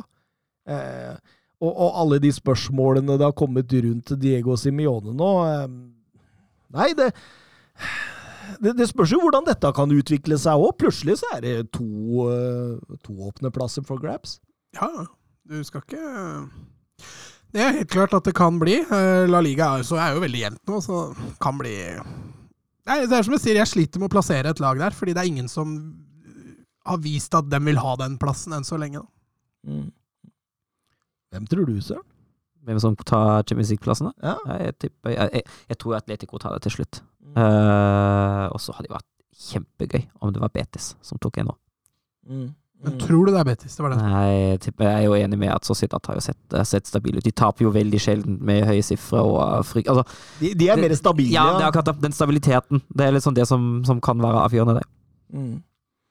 Ja, absolutt. Eh, Betis, det er Når du ser Betis, så veit du aldri helt hva du får. Nei. Og så lenge Borcha Inglesias har vært på banen, så har det jo gått veldig bra. Skårer dem jo i hvert fall et par mål som er nok til å vinne. Nå har jo han vært suspendert pga. det. Og, og det var etter at han fikk det røde kortet at de rakna litt mot Sevilla. Så han har vært uh, Han har fått virkelig gang i Inglesias, Iglesias, så du må få han igjen i gang. Så Pellegrini tar med seg spillere som ikke skal spille VM til Argentina og Chile for bl.a. treningskampen mot eh, River Plate og Colo Colo. Mm, De fikk vel, fikk vel juling av Colo Colo nå, så. Ja, de gjorde det, Ja, ja. jeg tror de tapte, tapte ikke sånn 5-0 eller sånn nå. Jeg veit ikke hvilket lag de stilte, så være så Ja, de tapte 5-0 uh, i natt. Jeg veit ikke hvilket lag de stilte med, da, men uh, Colo Colo. ja. Colo Colo. Hva betyr Colo på spansk? Eh, Jeg trodde det var rumpe, jeg. Ja, det var det. Eller Colo. Hun drar dit og skal spille mot rumperumpe. Ja, det må være ræva. eh, har vi noe mer å melde, eller skal vi gå til Bundesliga? Kjør Bundesliga, du. Er macht ein richtig gutes Spiel. Jan Schimonek. Die Wolfsburger lassen so gut wie nichts zu. Grafit. Grafit gegen Lell. Jetzt wird's eine Demütigung. Guckt euch das an. Bist du verrückt? Bist du verrückt? Tor des Jahres. Die Bayern der Lächerlichkeit preisgegeben. Ja, og i Bundesliga, der er det jo Altså, det har i hvert fall kommet en viss normalitet tilbake i ligaen, Ja, det, kan, det kan du si. Uh, Bayern er tilbake på topp, og nå også med fire poengs margin ned til uh, Freiburg. Eh, har jo hatt den lille fasen har starta forrykende, og så kom den fasen med fire uavgjorte og ett tap. Da det var en krise uh, som Nagelsmann har løst mesterlig. Uh, ikke noe annet å si på det. Uh, har tatt nå seier etter seier og tatt 34 poeng, 10-4-1 på 15 kamper. Eh, og nå, nå ser det fryktelig sterkt ut, altså. Nå, nå er det altså Den, den seieren mot Schalke, det var full kontroll, og nå er det også sånn Vi kritiserte dem jo um, for den Dortmund-kampen at da manglet man litt sånn den kontrollen til å cruise inn kampen når man leder 2-1, uh, og det hadde jo vist nå både mot uh, mot Hertha uh, og mot Schalke i siste kampen, at de kan faktisk cruise nå. Mm. Jeg, jeg, snak, jeg, var jo litt eh, inne på det òg, at jeg syns jo det, det som er veldig bra nå, at man har altså Nagelsmann har, har klart å gi altså Han har, han har brukt ting som en klar nier, og han har gitt litt klarere roller nå offensivt, eh, samtidig som altså Det er en viss variabilitet der, eh, men det er også mer struktur. Eh, og i starten av sesongen var det veldig mye variabilitet, men veldig lite struktur. og Nesten spillere som dukket opp overalt til enhver tid. Eh, og nå har, har spilleren en struktur forholde seg til, og angrepsspillet ser, ser godt planlagt gjennomtenkt ut. og ja, Det er ikke noe tvil om at Bayern tar seriegull. Og så har de en spiss som eh, skårer mål. Ja, Choupo-Moting, han har jo vært eh, har jo vært meget sekk, til tross for straffebommen mot uh, Werder Bremen. Uh, Hva, hva sier tyske medier om eh, Ronaldo-linken som dukker opp nå? den tas ikke seriøst. Nei, det er ikke Eh, det, det, det er ingen seriøse medier som skriver om det, og Bayern, Bayern har jo eh, Det har vel Oliver Kahn som var ute i sommer allerede og sa at eh, vi har, kommer aldri til å signere Ronaldo uansett. Og han Ja, passer jo ikke inn heller. Nei, men jeg tenker jo når Choupo-Moting skårer mål, så klarer jo Ronaldo å gjøre uh, Ja, men, framme der. men Choupo-Moting bidrar jo også i, uh, i kombinasjonsspillet. og mot ballen, og det ser jeg ikke helt at Ronaldo gjør. Kanskje det er agenten som hadde rett. Men, men eh, når jeg snakker Bayern, så vil jeg snakke Mosiala. Ja, Ja, fordi For meg så blir han nå en av Europas klart beste fotballspillere. Altså Han er 19 år. Han står med ni mål og seks assist på 14 Bundesligakamper. Han herjer, spesielt når han får den litt frie Mm. ut venstrerolle, vandrer, skaper Altså, det, det, Ja, altså vi- nå, nå! Ja, når vi snakker variabilitet i Bayerns angrepsspill, er det mye som Musiala står for. Det er jo han som dukker opp overalt når venstre, høyre, midten. Uh, og altså, det har jo vært helt fantastisk. Han har jo vært god før, eh, men i år, den sesongen nå, har han fått sitt gjennombrudd inn i verdensklassen. Mm. Uh, og det var jo også en stor snakkes i tyske medier eh, før kampen mellom eh, Dortmund og Bayern, den Bellingham mot Musiala. Eh, de to unggutta uh, Mm. som presterer såpass godt som de gjør. Eh, og den rollen som Musiala nå har tatt, den har vært, har vært fremragende, altså. Vebjørn Fredheim vil Bayern München bare cruise inn nå, altså. Ganske sikker på det. Det, ser- det, ser- Alle parametere Ja. sier det. ser, ser altså fryktelig stabilt ut. Uh, og absolutt uh, Absolutt toppnivå nå, altså. Jørgen Knutsen på Twitter. Eh, vinterpause i Bundesliga. Bruk noen ekstra tid på Freiburg, som akkurat nå ligger til, an til å toppe sin beste sesong siden 94-95. Tredjeplass. Og Christian Streich mener derimot i et intervju med Kicker at de ikke vil holde inn. Er det pessimistisk eller nøktern realist? Og så henviser han til sitat hvor Christian Streich sier Eh, Jeg vil gjerne at det forblir slik, eh, men det vil ikke skje. Vi kan bare nyte, være glad og øve på å ikke legge for mye press på oss, Uh, Ja, for at vi må, ikke skal tro at det blir slik. Jeg tror jo kanskje det er, altså jeg tenker jo det er veldig smart av Streik, for det er litt sånn det siste som han sier der. Uh, ikke legge for mye press på oss. Uh, jeg føler at det er litt sånn der det går. Og altså Freiburg hadde jo en fantastisk sesong i fjor. Uh, ble i sjetteplass og cupfinale som man tapte i straffekonk mm. på mest knepen måte Uh, mot Leipzig, og det har jo sett, uh, sett meget, meget bra ut. Jeg har tapt tre kamper, og det er mot Dortmund, Bayern og Leipzig. Eh, det er de tre lagene som har slått dem i år. I tillegg vinner de Europa League-gruppa Ja. si. Ja, og det var vel fire seire og to avgjort. Uh, kommet seg videre i åttedelsfinalen i cupen også, uh, hvis jeg ikke tar feil. Jeg tror. Uh, og det, altså, det, har vært, det har vært en fantastisk sesong. Eh, og de har jo altså vist noe altså, hvis, De har jo forbedret seg både offensivt og defensivt. Uh, hvis man tenker de mista Slåtterbekk, fint, så kommer Ginte inn og kan, er fryktelig stabiliserende. Uh, ser meget, meget bra ut i, i midtforsvaret der. Ja, det, var, det, det, det er en Ginter som på en måte er tilbake der han var før fjorårssesongen. Ja, enig. Og han har, han har, han har tatt den, den rollen som forsvarssjef med glans. Lien hadde ved siden av ham ser, ser også helt, eh, helt fantastisk ut. Så har de jo Michael Gregoric som kom fra Augsburg, som, uh, som skåra godt med mål. Uh, Doan som annen en forsterkelse offensivt. Nå har jo eh, Daniel Kofi Kyrie, som kom fra St. Pauli før sesongen, også begynt å komme i gang uh, i det offensive. Uh, Grifo uh, driver jo og slår dødballer fra en annen verden. Og, altså, Og Grifo hadde, han hadde faktisk vært med Italia i VM, hadde de vært Mm, eh, ja. der nå. Ja, han spilte vel en eh, ganske bra landskamp mot Albania nå. Eh, De vant 3-1. Eh, så nei, altså det ser jo, det ser jo meget stabilt ut der òg. Jeg så, jeg så Grifo. Han har aldri skåret mer enn ni mål i Bundesliga. Nå er han allerede på ni. ja, og det kommer han til å skåre mer av. Og eh, han er jo en herlig skuddfot òg, da. Er jo presis. Men, men, men, det, men det vi mener da, i forhold til det med Jørgen Knutsen sitt eh, spørsmål her, det er jo det at han er verken pessimist eller nøktern realist, men han, dette er rett og slett et taktisk sitat. Ja, altså, altså, han men han er jo litt sånn streik, er, er jo sånn Jona-type òg, da. Eh, han vet jo, jo veldig godt hvor den klubben kommer fra. Og ja, greit, nå kunne man faktisk eh, hente spillere som Greoric, Doan og Kiere.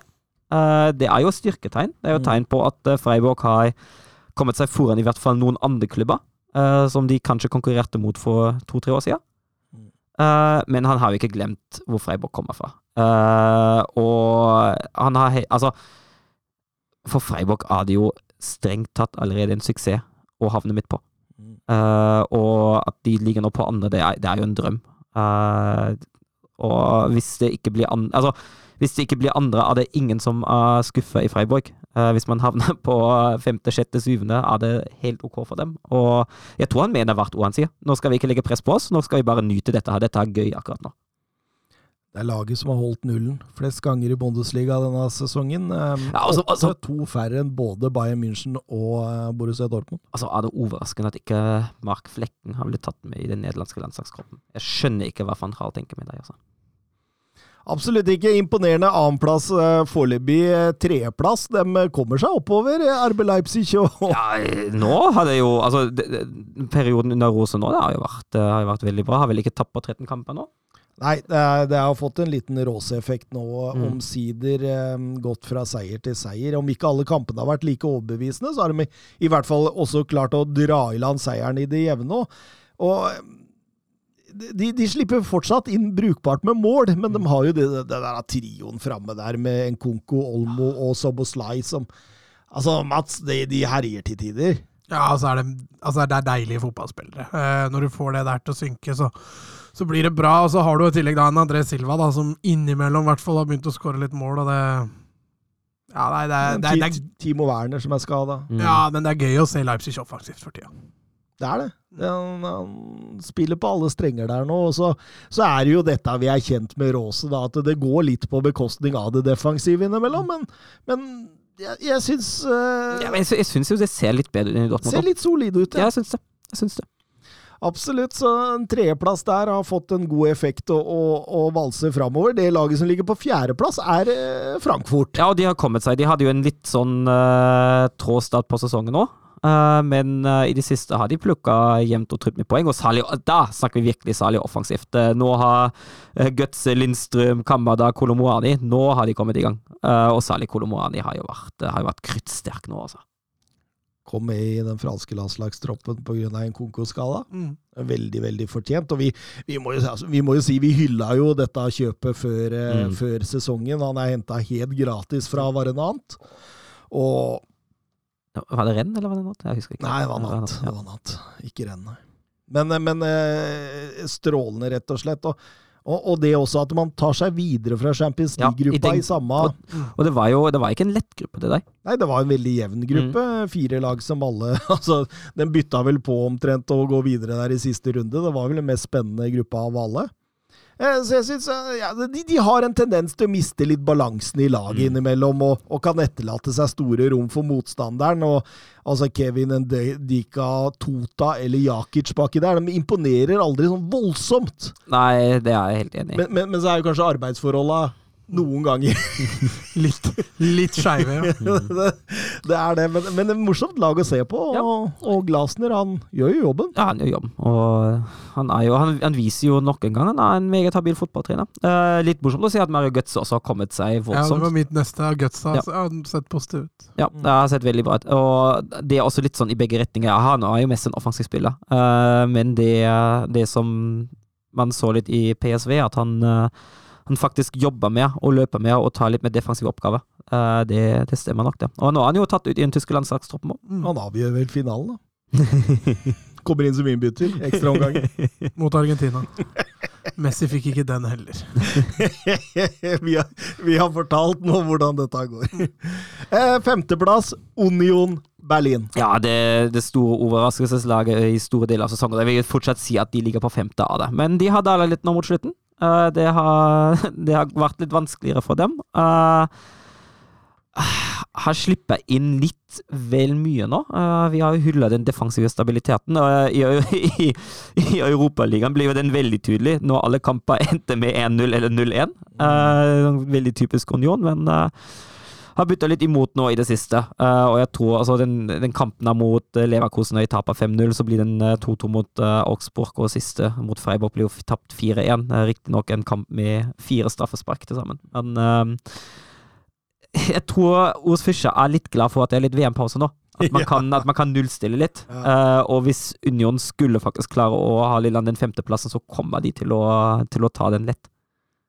Ja, ja, helt klart, altså. Men oppskriften er jo like enkel som man er klar. Det er å ligge organisert, eh, la motstander styre og kjøre overganger. Og så, og så ser du dem har slitt litt når de møter lag som tenker Nei, vi skal ikke ta noe initiativ i denne kampen her.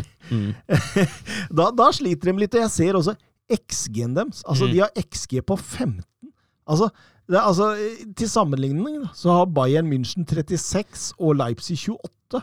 Så vi, vi ligger over halvparten og rundt halvparten av de andre lagene som ligger i samme bracket, liksom. Det var jo det var en periode jeg faktisk leda Bundesliga med en laveste X-general lag. og det, den, den er spesiell, også, men det, altså, nå, har det jo, nå har det jo vært rimelig effektive offensivt. Geraldo Becca han har jo hatt en liten sånn uh, måltørke underveis nå, men han har jo virkelig sett under ett vært veldig bra. Eh, de har utnyttet de får, og den oppskriften som de har, med de kjappe overgangene, den har jo fungert som, eh, som bare det. I hvert fall så lenge de hadde noe rom og kontre i, som du sier, Thomas. Mm. Mm. Og vi må helt ned på sjetteplass for å finne Dortmund. Ja, og da har det, de siste to kampene nå må ta opp mot både Wolfsburg og Mönchenglattberg. Det har, det har ødelagt uh, mye av inntrykket for sesongen. Og det er jo det er litt det nå har, har jo starta Vi snakket mye om uh, nye Dortmund. Starta med, med, med fokus på det defensive, men nå har det defensive svikta litt òg. Eh, både mot Wolfsburg og Mönchengladbach. Det var ganske ville kamper. Eh, mot Borum ledet man tidlig, men skudde også litt av da allerede. Eh, det offensive har vært litt sånn opp og ned hele, hele sesongen, egentlig. Eh, og Terzic har en jobb å gjøre, altså. Ja, absolutt, absolutt. Altså, det kom jo inn Terzic der med Sebastian Kehl og, og, og, og skulle jo på mange altså, Det var ingen, ingen tvil om at man hadde sett på hva som ikke fungerte sist sesong, og, skulle, la en plan etter det. Alle personlige feila, alle målene de fikk mot seg på overganger, og balansen i laget og sånt. Og, de, de, de henta jo liksom Smart, Slåttebekk, Syle, Øskan. Det er jo spillere som hjelper dem i den retningen, tenker jeg, å prøve å finne. Og så, og, så, og så gikk de i sesongen og så, med et forsøk på å være mer solide, mer balanserte. Eh, og det, funka jo nå, da. Og så har det jo nå mot VM da eh, sett nesten ut som eh, sist sesong igjen. Og, og egentlig så er jo Kobel mye av årsaken til at det ikke har blitt styggere noen ganger. Ja. Ja, han har vært fantastisk, men uh, ellers hadde det ikke vært med. Altså, Og så var det jo maks uttur i forhold til Haller, da. ja, ja, det, Den, altså Rett før sesongstart så mister du nieren din, Ja. og så er du nødt til å leie inn en 34-åring som Altså, han har jo han, han har, var jo, gjorde, har gjort det veldig bra, så det er ikke så rart at de henter han som en Men i Dortmund har det jo ikke passa. Nei, og det har ikke vært bra i Dortmund. Mokoko har jo vært bra. Han har, han har jo Jeg syns ikke du skal lene deg på han ennå. Nei, han er jo altså, ikke sant? De hadde Ja. Haaland der i, i, i sist sesong, Ja. ikke sant? Og nå er det Reina, Malen, Adiemi, Mokoko, Brant. Altså, det er mye underholdning. Det er mange kvaliteter, men du kan ikke helt stole på noen av dem. Nei, det er ikke, noe, det er ikke noen, noen som scorer som, som tar målpoeng jevnt og trutt, da. Nei, det er ikke det. Altså. det er I tillegg så blir kapteinen Ja, Skada. skada hele tida, Royce. Ja. ja. Ja, eh, Oskar Carveio Holm, eh, glidende overgang der. Eh, er Marco Royce en av tidenes mest uheldige fotballspillere med tanke på timing rundt skader? ja, han har går vel glipp av sitt fjerde store mesterskap nå pga. skade. Sjukt, altså. Men, altså, men det er Han klart er jo mye skada, Ja, da. jeg tenker jo timing og timing. Altså, når du er skada seks av ti måneder, holdt jeg på å si seks av tolv måneder, så Så noen ganger så treffer du jo på et sluttspill, men det er klart, har han vært med på et sluttspill noen gang? Jo, EM 2012. Ja, det, satt, det satt fremst i panna, det. En av de beste tyske spillere i moderne tid har vært med på ett Ja, jeg, mesterskap. jeg er usikker på om han var med på Det er helt sjukt i så fall. Det er helt sjukt, fordi Marco Royce Jeg bare, jeg bare, bare tenker på hva vi har, vi har vel vært inne på det før. Mm. Hva han hadde vært uten skadene. Det hadde vært Real Madrid og, og helt oppi der i noen Ballon d'Or-kåringer. Det er jeg ganske sikker på. Jeg skal sjekke om han har vært med på noe mer òg, altså. Nå, jeg tror, altså EM12 husker jeg veldig godt, for da var det mye debatt. Der syns jeg han ble Personlig han ble brukt for lite, for da var han veldig Han har vært med i et VM òg, men det var, jo, det var jo det ene VM han har lyst til å fortrenge som Som tysker. Ja, ikke rart at det ikke satt. VM var det? Ja, 18. Å ja, for da var det slutt tidligere. Yes. Så det er ikke rart at ikke det Så han har vært med på ett EM og ett VM, da. Stemmer det. Rett bak Rett bak Dortmund, der kommer Wolfsburg. Og Ja. det vanvittig fort! Ja, altså Altså, altså, nå er det bare å holde seg fast, Det altså! er ikke lenge siden han snakka om Nei, at hun skulle rykke ned. Ja, og det, det, det er den Union Berlin-kampen, og det var jo et vendepunkt uh, på mange måter. Det var sesongens det, med god margin dårligste kamp. Ah, helt katastrofe. Laget så dødt ut. Kovac så ut til å, til å miste garderoben før en i det hele tatt egentlig hadde kommet i gang med noen utsagn type 'hvis ikke de gidder å kjempe, så må min bror og jeg hoppe inn der og spille'. Uh, det likte laget visstnok ganske dårlig, men så har laget kommet seg på Hvem er broren hans? Uh, Robert Kovac. Tidligere midtstopper, blant Ah, annet i Bayer Leverkosen. Ja, men faen, han hadde jo gjort det greit, han. da. Ja, sikkert. Jeg hadde bytta han inn. Ehm, og så har har jo det vært en oppsving siden da. Uh, Riktignok ikke alle seire som har vært uh, fullt fortjent. Så er det mot Hoffenheim nå. Den var noe heldig og en eh, god prestasjon av Kohn Castells. At man vinner mot Dortmund syns jeg er helt på sin plass. Er Wolfsburg faktisk det beste laget som skaper mest. Eh, og når man har, nå, siden den Union-kampen da, i runde sju, så har laget gått ubeseiret. Eh, vunnet nå de siste fire på rad. Og det har sett, altså det har, det har sett mye mer stabilt ut. Ja, Fått orden på det defensive ja, der. men det, enig. Holder Lacroix ute, så Ja, er det greit. Ja, men altså, det, det er jo rart at Bon- Bono jo, har jo vist seg å være, å være god, men eh, Mickey van de Veien Altså for noen kamper han har hatt. Han har vært, eh, han har vært helt enorm bak der, og en baute. Mm. Det er fullt fortjent at han får sin første scoring mot, eh, mot Dortmund. Det er helt enorm. Uh, ung nederlender, mye fart, mye duellstyrke. Uh, ikke så dårlig pasningsfotell. En sånn typisk moderne midtstopper. Ja, ja. Uh, så ja, nei, det har, det har sett bra ut. Og det offensive har jo også sett noe brukbart. Nå har jo til og med Ridle Bakhove begynt å komme i gang og skåre mål igjen. Og det som, det som kanskje mangler litt, er jo litt sånn den toppspissen. Så man er litt avhengig av at uh, Nemecha holder seg litt skadefri. Han har vært veldig av og på med skader, går glipp av VM nå. Mm. Og at Jonas Wind kommer tilbake. Eh, men altså, de unge, både, både Jakob Kaminski og Patrick Wimme, eh, de unge kantspillerne, de har begynt å, å ta ordentlig stek. Stilig, Støren. Så det, det Vi får se hvor det ender, eh, men nå, altså, nå er jeg ganske overbevist om at det, det blir i hvert fall ikke noe nedrykksstrid nå resten av sesongen. Også. Nei, Erik tror jeg vi kan avskrive. Det, det tror jeg, det tror jeg vi, vi kan være ferdig med. Ja, Nico Kovac-ballen ruller, da. ja, altså, vi, vi var jo inne på det før, han har jo et tak. Det har han jo. Uh, men uh, om, om Altså, samtidig skal jo Blir altså, ikke, blir ikke topp fire, dette her. Nei, det blir ikke det. Uh, det blir det aldri med ham. Det kan jeg ikke se for meg. Men han skal likevel få ære for den jobben han har gjort. For han har åpenbart gjort en del ting riktig. I begge retninger, og ikke minst i det mentale. Med et lag som så helt dødt ut.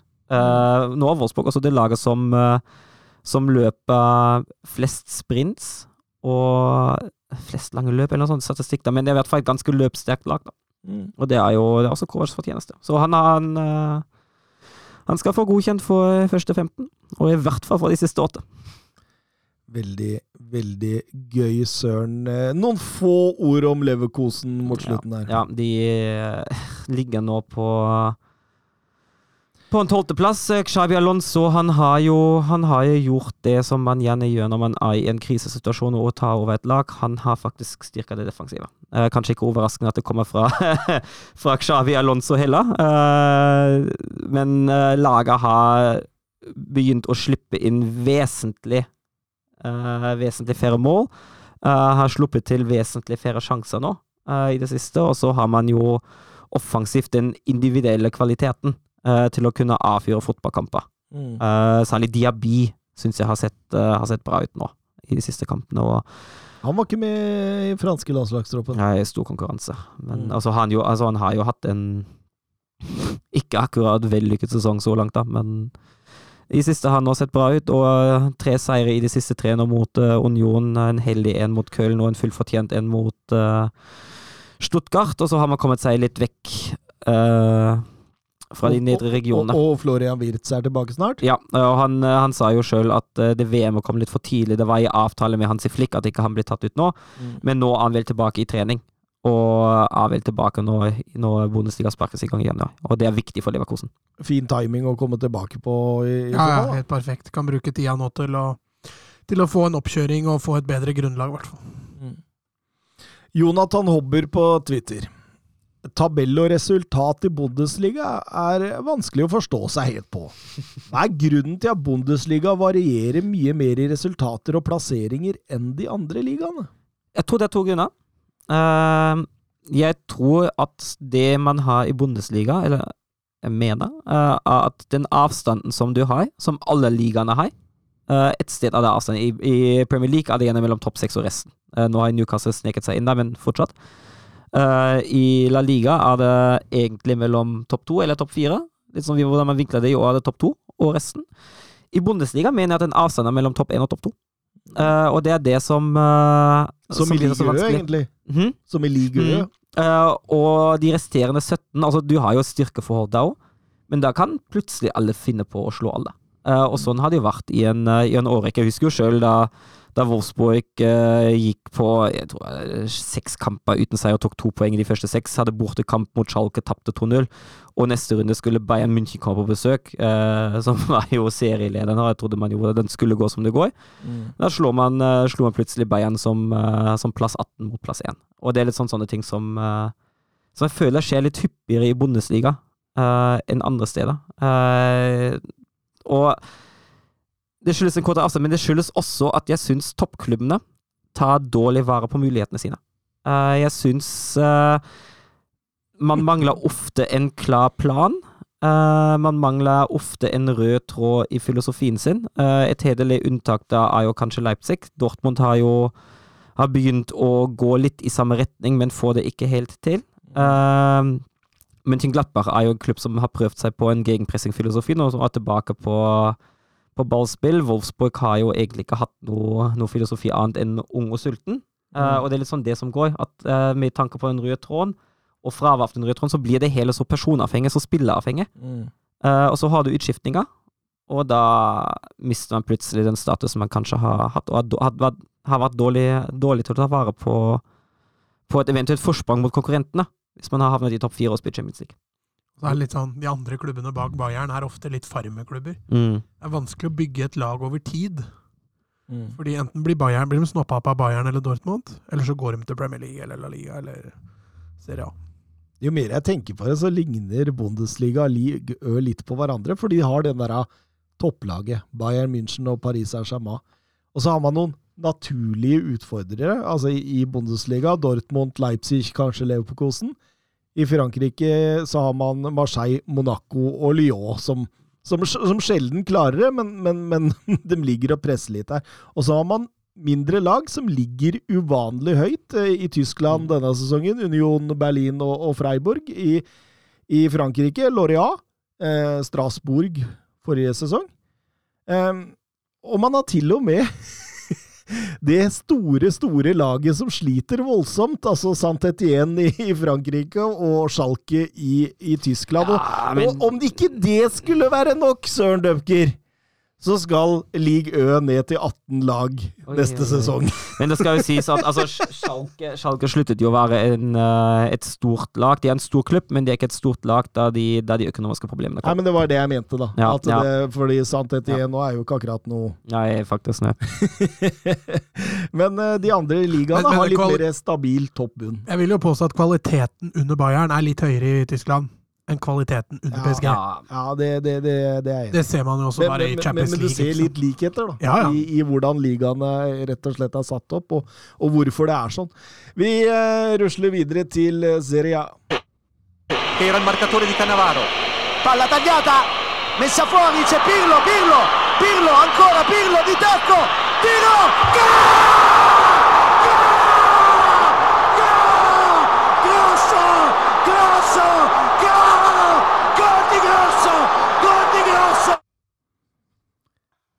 Vi har jo snakka så mye om dem, og vi må jo snakke litt mer om dem. Det er vel kanskje et av de laga som har imponert oss mest denne sesongen. Eh, det soleklart beste laget i Serie A så langt. Eh, faktisk ingen i nærheten engang.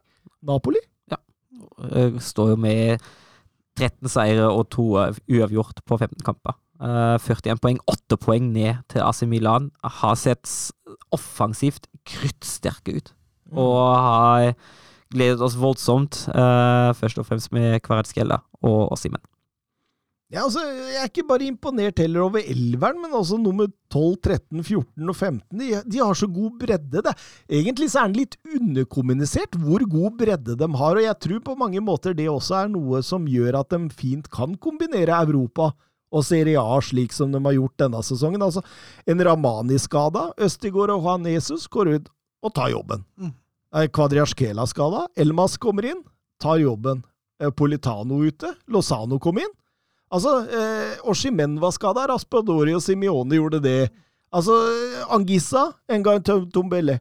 Altså, det, det, det er liksom Uansett hva som går ut, hva som skades, hva som er suspendert der, så ser Napoli omtrent like sterke ut. Og Nei, det, som du er inne på, Søren. Oshimen og, og Kvarasjkela, men er, jeg, jeg syns det ser strålende ut, rett og slett. Det.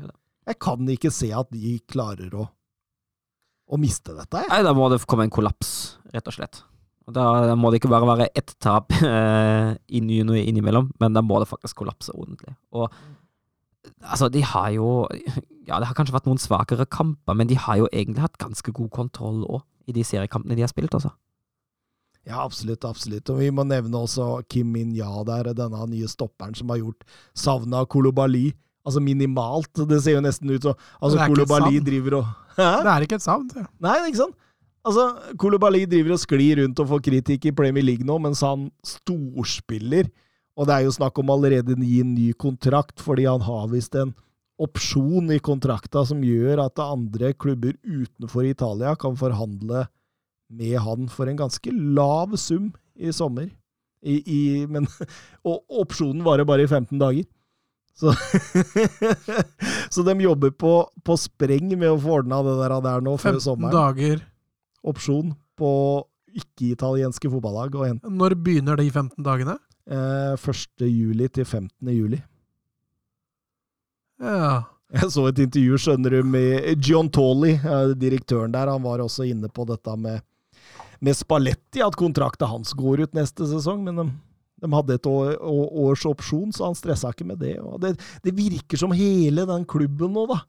Den bare ligger i luksus. ikke sant? Du får rapporter på rapporter om hvor god stemning det er i spillergruppa. Hvor, eh, altså Fra Alex Meret til 17. og 18. plass på benken. altså Det ser bare ut som en sånn Han har fått en fantastisk oppblomstring sammen. ja, og de spiller jo sånn også på, på banen, og nå har de jo fått, fått en eh, Fått en fin luke ned, og så nå er jeg enig med deg. Jeg ser ikke helt åssen de skal greie å surre bort dette her nå. Uh, og det er litt sånn, altså Laga bak nå skal sies at Juventus har begynt å vinne fotballkamper, da, men de andre laga bak, de, de varierer veldig. Og Napoli, dem, som Søren sier, de har ikke tapt ennå i serien. Nei, absolutt. Og jeg, jeg- det, det, er det jeg mener også, at de ser mest stabile ut. Vi, vi kan snakke litt Milan her. Et lag som aldri liksom imponerer meg voldsomt spillemessig denne sesongen, men har bygd et fundament. Har blitt liksom den sol, solide, og så har de de lille X-faktorene på topp der med Leao, med, som liksom kan drive det. Men eh, grunnet dette så er det jo det at de taper jo sjelden Milan. Det er veldig sjelden de taper. De kan gå på en smell, en uavgjort og litt sånt, men stort sett så, så, så, så, så er de jo solide nok til at eh, de plukker greit med poeng. Pioli har gjort en strålende jobb, han. Ja, det har han definitivt. Og etablerte jo laget godt inn i topp fire da. Ja, helt klart. Eh, se Leao spille, det er jo Altså, han kan jo trylle den der. Det blir gøy å se i VM, faktisk. Ja, det blir gøy å se hvor han ender opp til slutt. da, For han er vel ikke i Milan i altfor mange år til, tror jeg. Sannsynligvis ikke. Um, Ole Sandstrand spør snakk litt Kalulu, et alternativ for klubber som trenger en stopper. Ja, det vil jeg jo si. Jeg syns han har gjort, uh, gjort sakene sine, sine godt i, uh, i Milan. Så definitivt. Det er jo ikke bare Leao som bør være i, eh, i søkelyset til andre her, så er han jo bare 22 år. Så er klart, han, er jo, han har jo potensial til å bli enda bedre. En av tusen franske midtstoppere som holder ganske Ja, men han kan også spille back, da. Eh, Så, så du får en du får en dimensjon der også, da. Jeg tror også han hadde passa fint i en trebackslinje. Altså, han er ganske eh, ganske dynamisk sånn sett, da. Så jeg er litt enig. Eh, han er en spiller du kan kjøpe og satse på. Mm. Ikke nødvendigvis gå inn med en gang hvis man tenker storklubb, men en spiller du kan bygge litt rundt eh, med tiden. Vel Lyon-gutt, tror jeg. Jeg tror de henta han for én million euro, jeg. Så det, det er god scouting, for å si det sånn.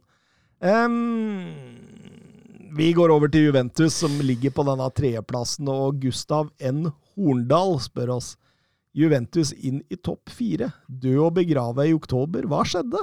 Det første som skjedde, er jo at de har fått orden på defensivet. Nå holder det plutselig å, skåre ett mål for å vinne fotballkamper igjen, og da er jo Allegri på sitt beste. Uh, altså, De har ikke sluppet inn på seks kamper nå i serien. Uh, og hvis vi ser på expected goals-tallene da òg, har de blitt signifik altså against, da, Uh, har de blitt signifikant bedre enn tidligere i sesongen. Det har vi bare Inter med 1,52 og Verona med 1,15, som i det hele tatt kom over ett uh, i de siste seks kampene i møte med Juventus. Så det, det nøkkelen ligger der. Det virka nesten som det var en sånn katalysator at du forsvant ut av Champions League. De hadde vel en horribel kamp der mot Makabi Haifa, tror jeg. Og så, og så vant de vel det påfølgende Torino-derby i, i midten av oktober.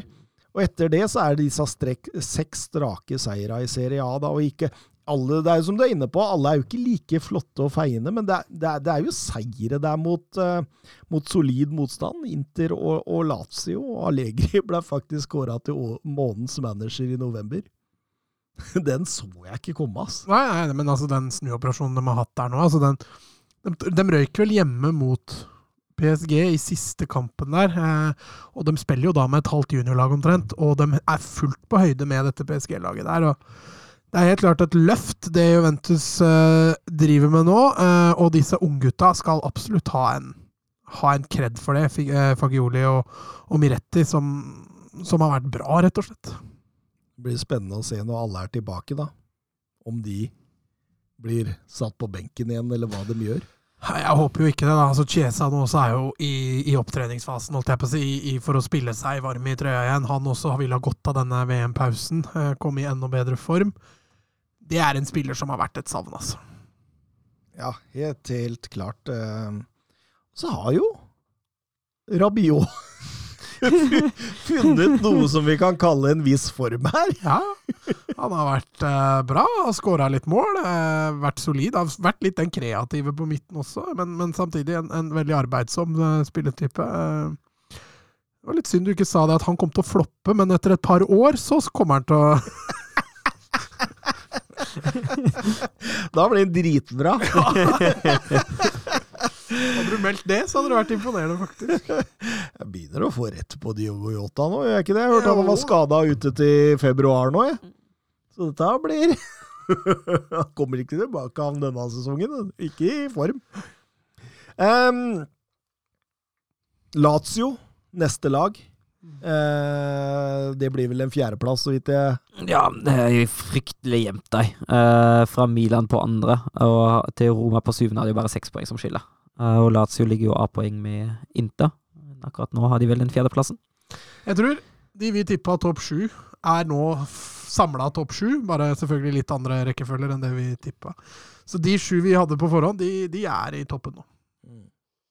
Sarri ba jo hele tida om tid i forrige sesong, eh, selv om det ble en godkjent femteplass der. Eh, åpningen denne sesongen var ujevn, men etter det 5-1-tapet mot, mot Midtjylland i Europa League der, så, så, så stengte de jo omtrent målet. Sju av ni kamper i Serie A holdt dem nullen. Ja, og så har de jo bytta litt mer imot nå, med tap mot uh, Salernitana og Juventus uh, nå i løpet av de siste rundene. Så to av de tre tap de hadde de har generelt i serien, det kom nå i de siste, de siste fire rundene.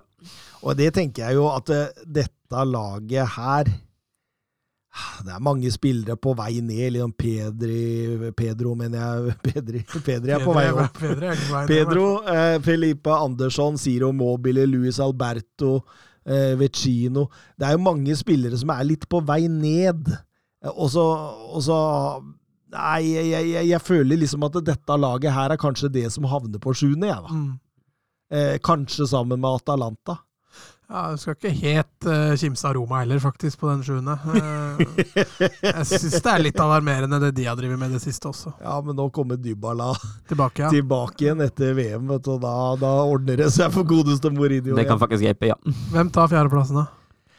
Sånn det står nå, så tror jeg det Altså, hvem tar fjerdeplassen? Jeg har vel gitt at Juventus, Milan og Napoli havner topp tre. Da, Jeg holder en knapp er det Inter. da er det Inter, ja. Det er Inter. Ok. Det, er, det, det, er, det er ingen som helst tvil om, føler jeg. Altså, jeg føler Inter Altså, det har Altså, sett Er du ikke litt i tvil engang på at det er Inter? Nei, altså, det, det eneste som liksom kan få meg til å tvile litt der, det er hvis de får en eller annen fortgang eh, Nei, at det, det der salget av klubben drøyer, og at man går inn i et januarvindu med en eier som tenker at Nei, skal jeg dra ut litt mer penger igjen, da? Kanskje selge en Lautaro Martinez, en, en Bastoni, en Skriniar?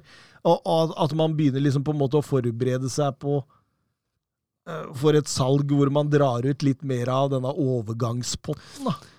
Uh, fordi det, det er jo litt usikkerhet rundt eierskap og alt det der, der nå. Ja, men ellers har de jo sett bra ut nå i det siste. Ja, det har jo det. Det har jo det. De, de, de, altså Med unntak av tap mot Juventus, har de vunnet seks av de siste sju.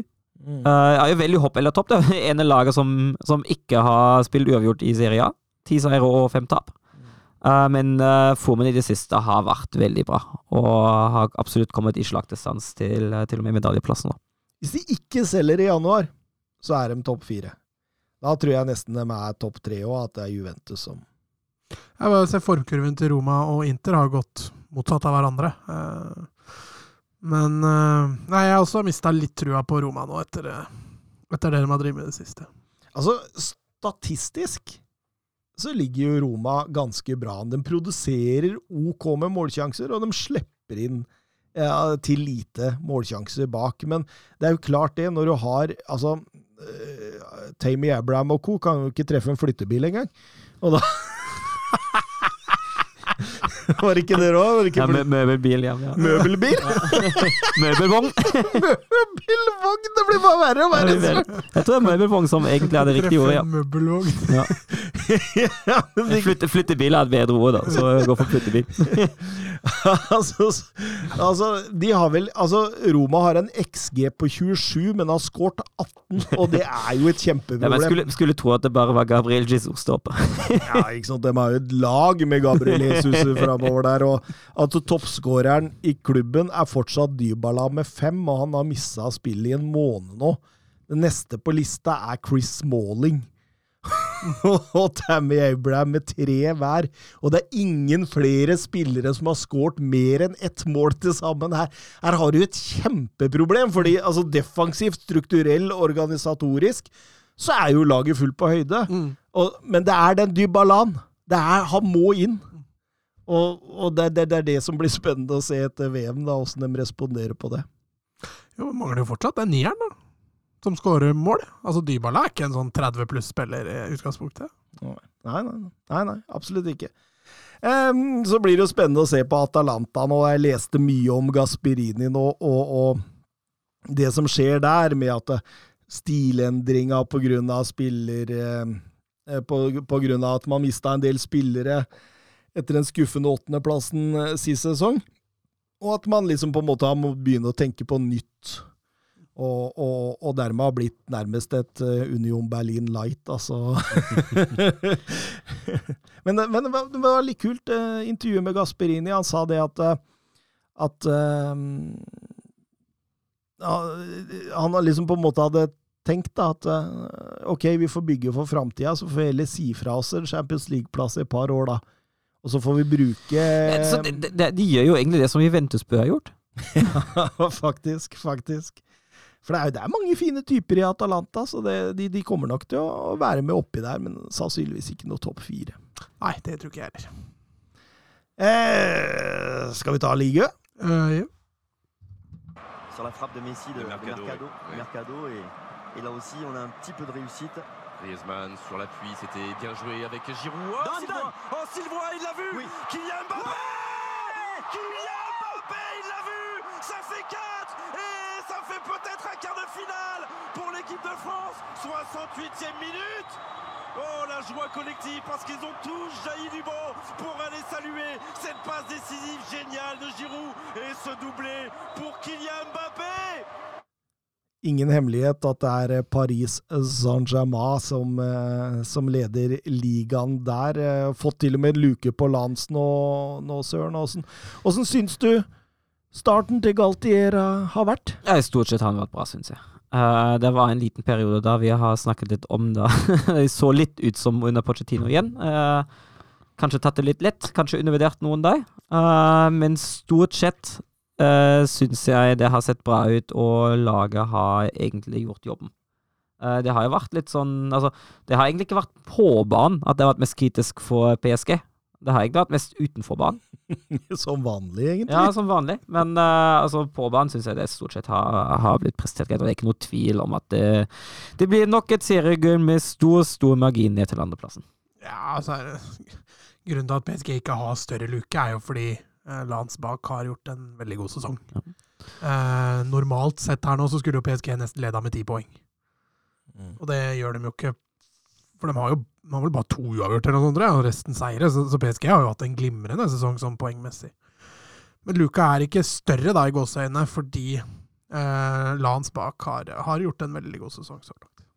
Og så har man jo sett det PSG da, som spiller mer på resultatet enn tidligere. Altså 1-0-seieren mot uh, Marseille og, og Lyon beviser jo på mange måter at de spiller litt mer på resultat. og Man, man ser jo også at PSG, som har sin store styrke i, i overgangsspillet, da, kan maltraktere motstanderen når de må opp og fram, og sånn sett.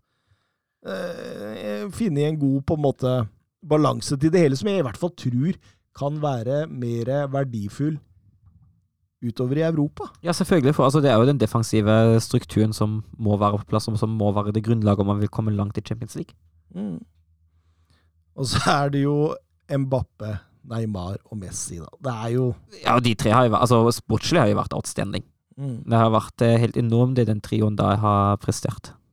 Ja, denne sesongen så er jo Messi hadde jo en off-sesong i fjor, nå har han vært veldig på. Og Neymar og Mbappe, når de glir for dem, så er jo de Altså, det er jo verdens beste fronttrio, liksom. Det er ikke noe tvil engang.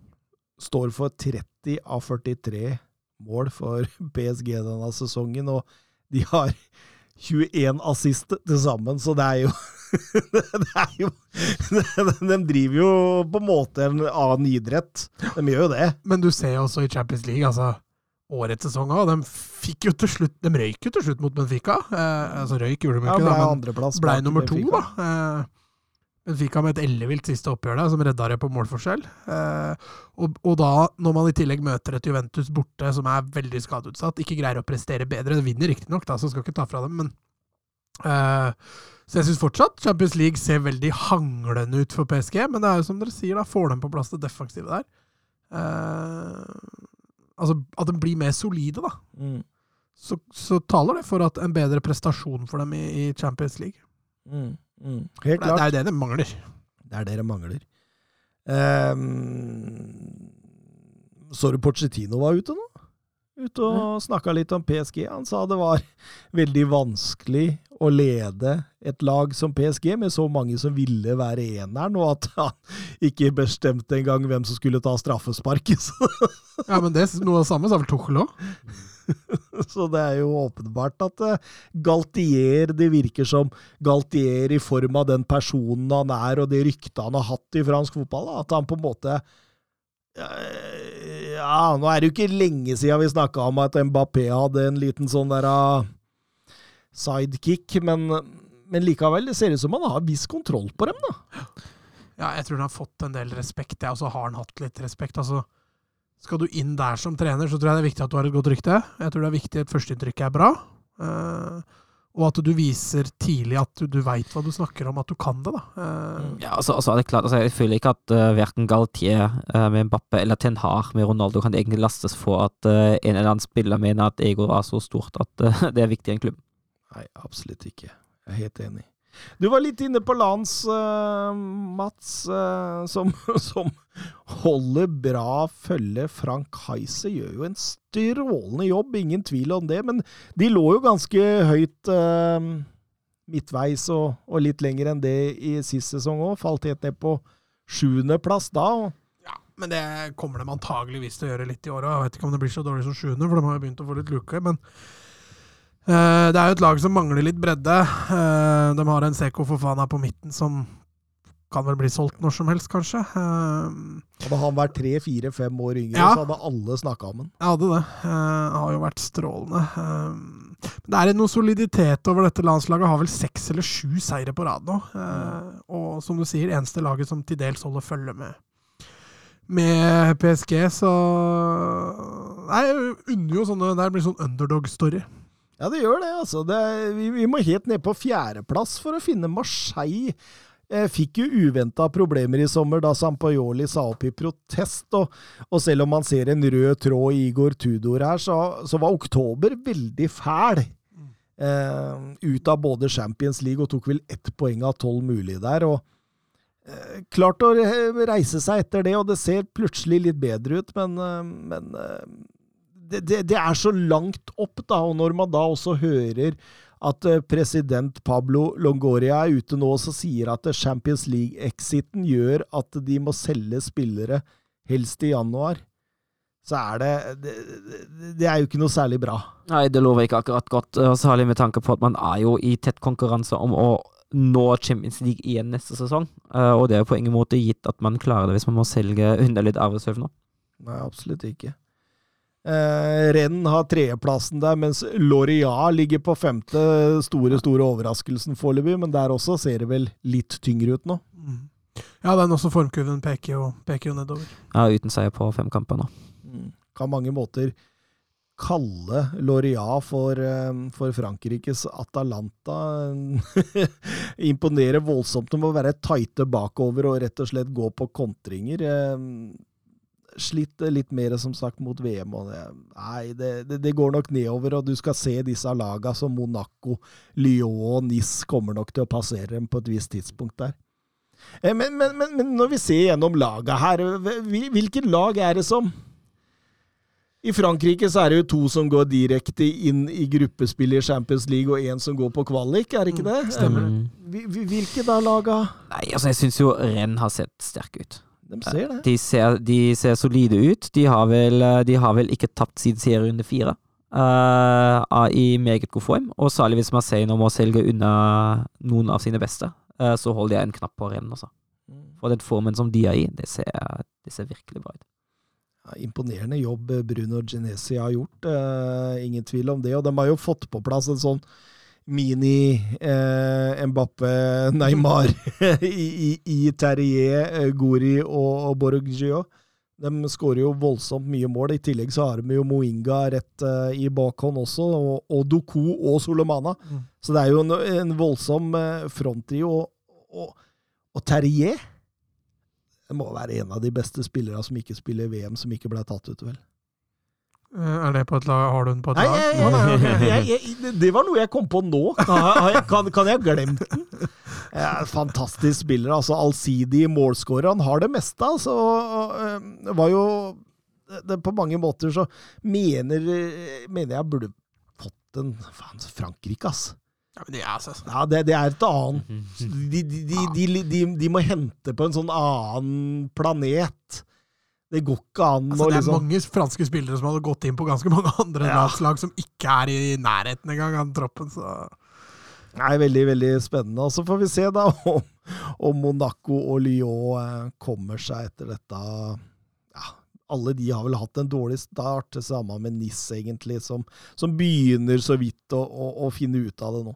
Eh, Jørgen Nystuen, vår gode, gamle Nystuen. Eh, oppdateringer rundt vår alles kjære Will Still. Hva er naturlig og realistisk mål for Rems? Nei, han er vel fortsatt ubeseira i serien.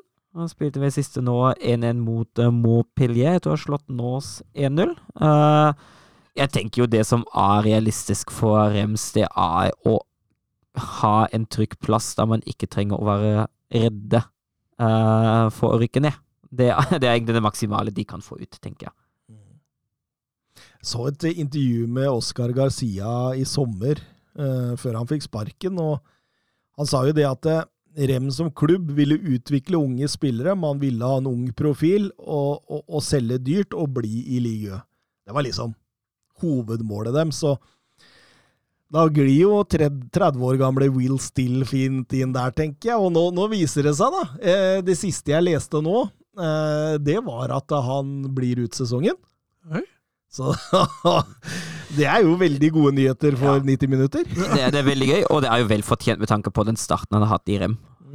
Will still standing, det. Ja, ja, Will Still standing, og jeg leste til og med på TV 2 nå at han Noah Holm ga Will Still gode skussmål. Eh, har ikke fått sånn voldsomt mye tid i Rem, men sier det at han er på og fremgang og har god kommunikasjon med Will Still, så litt morsomt å lese om Will Still i norske medier.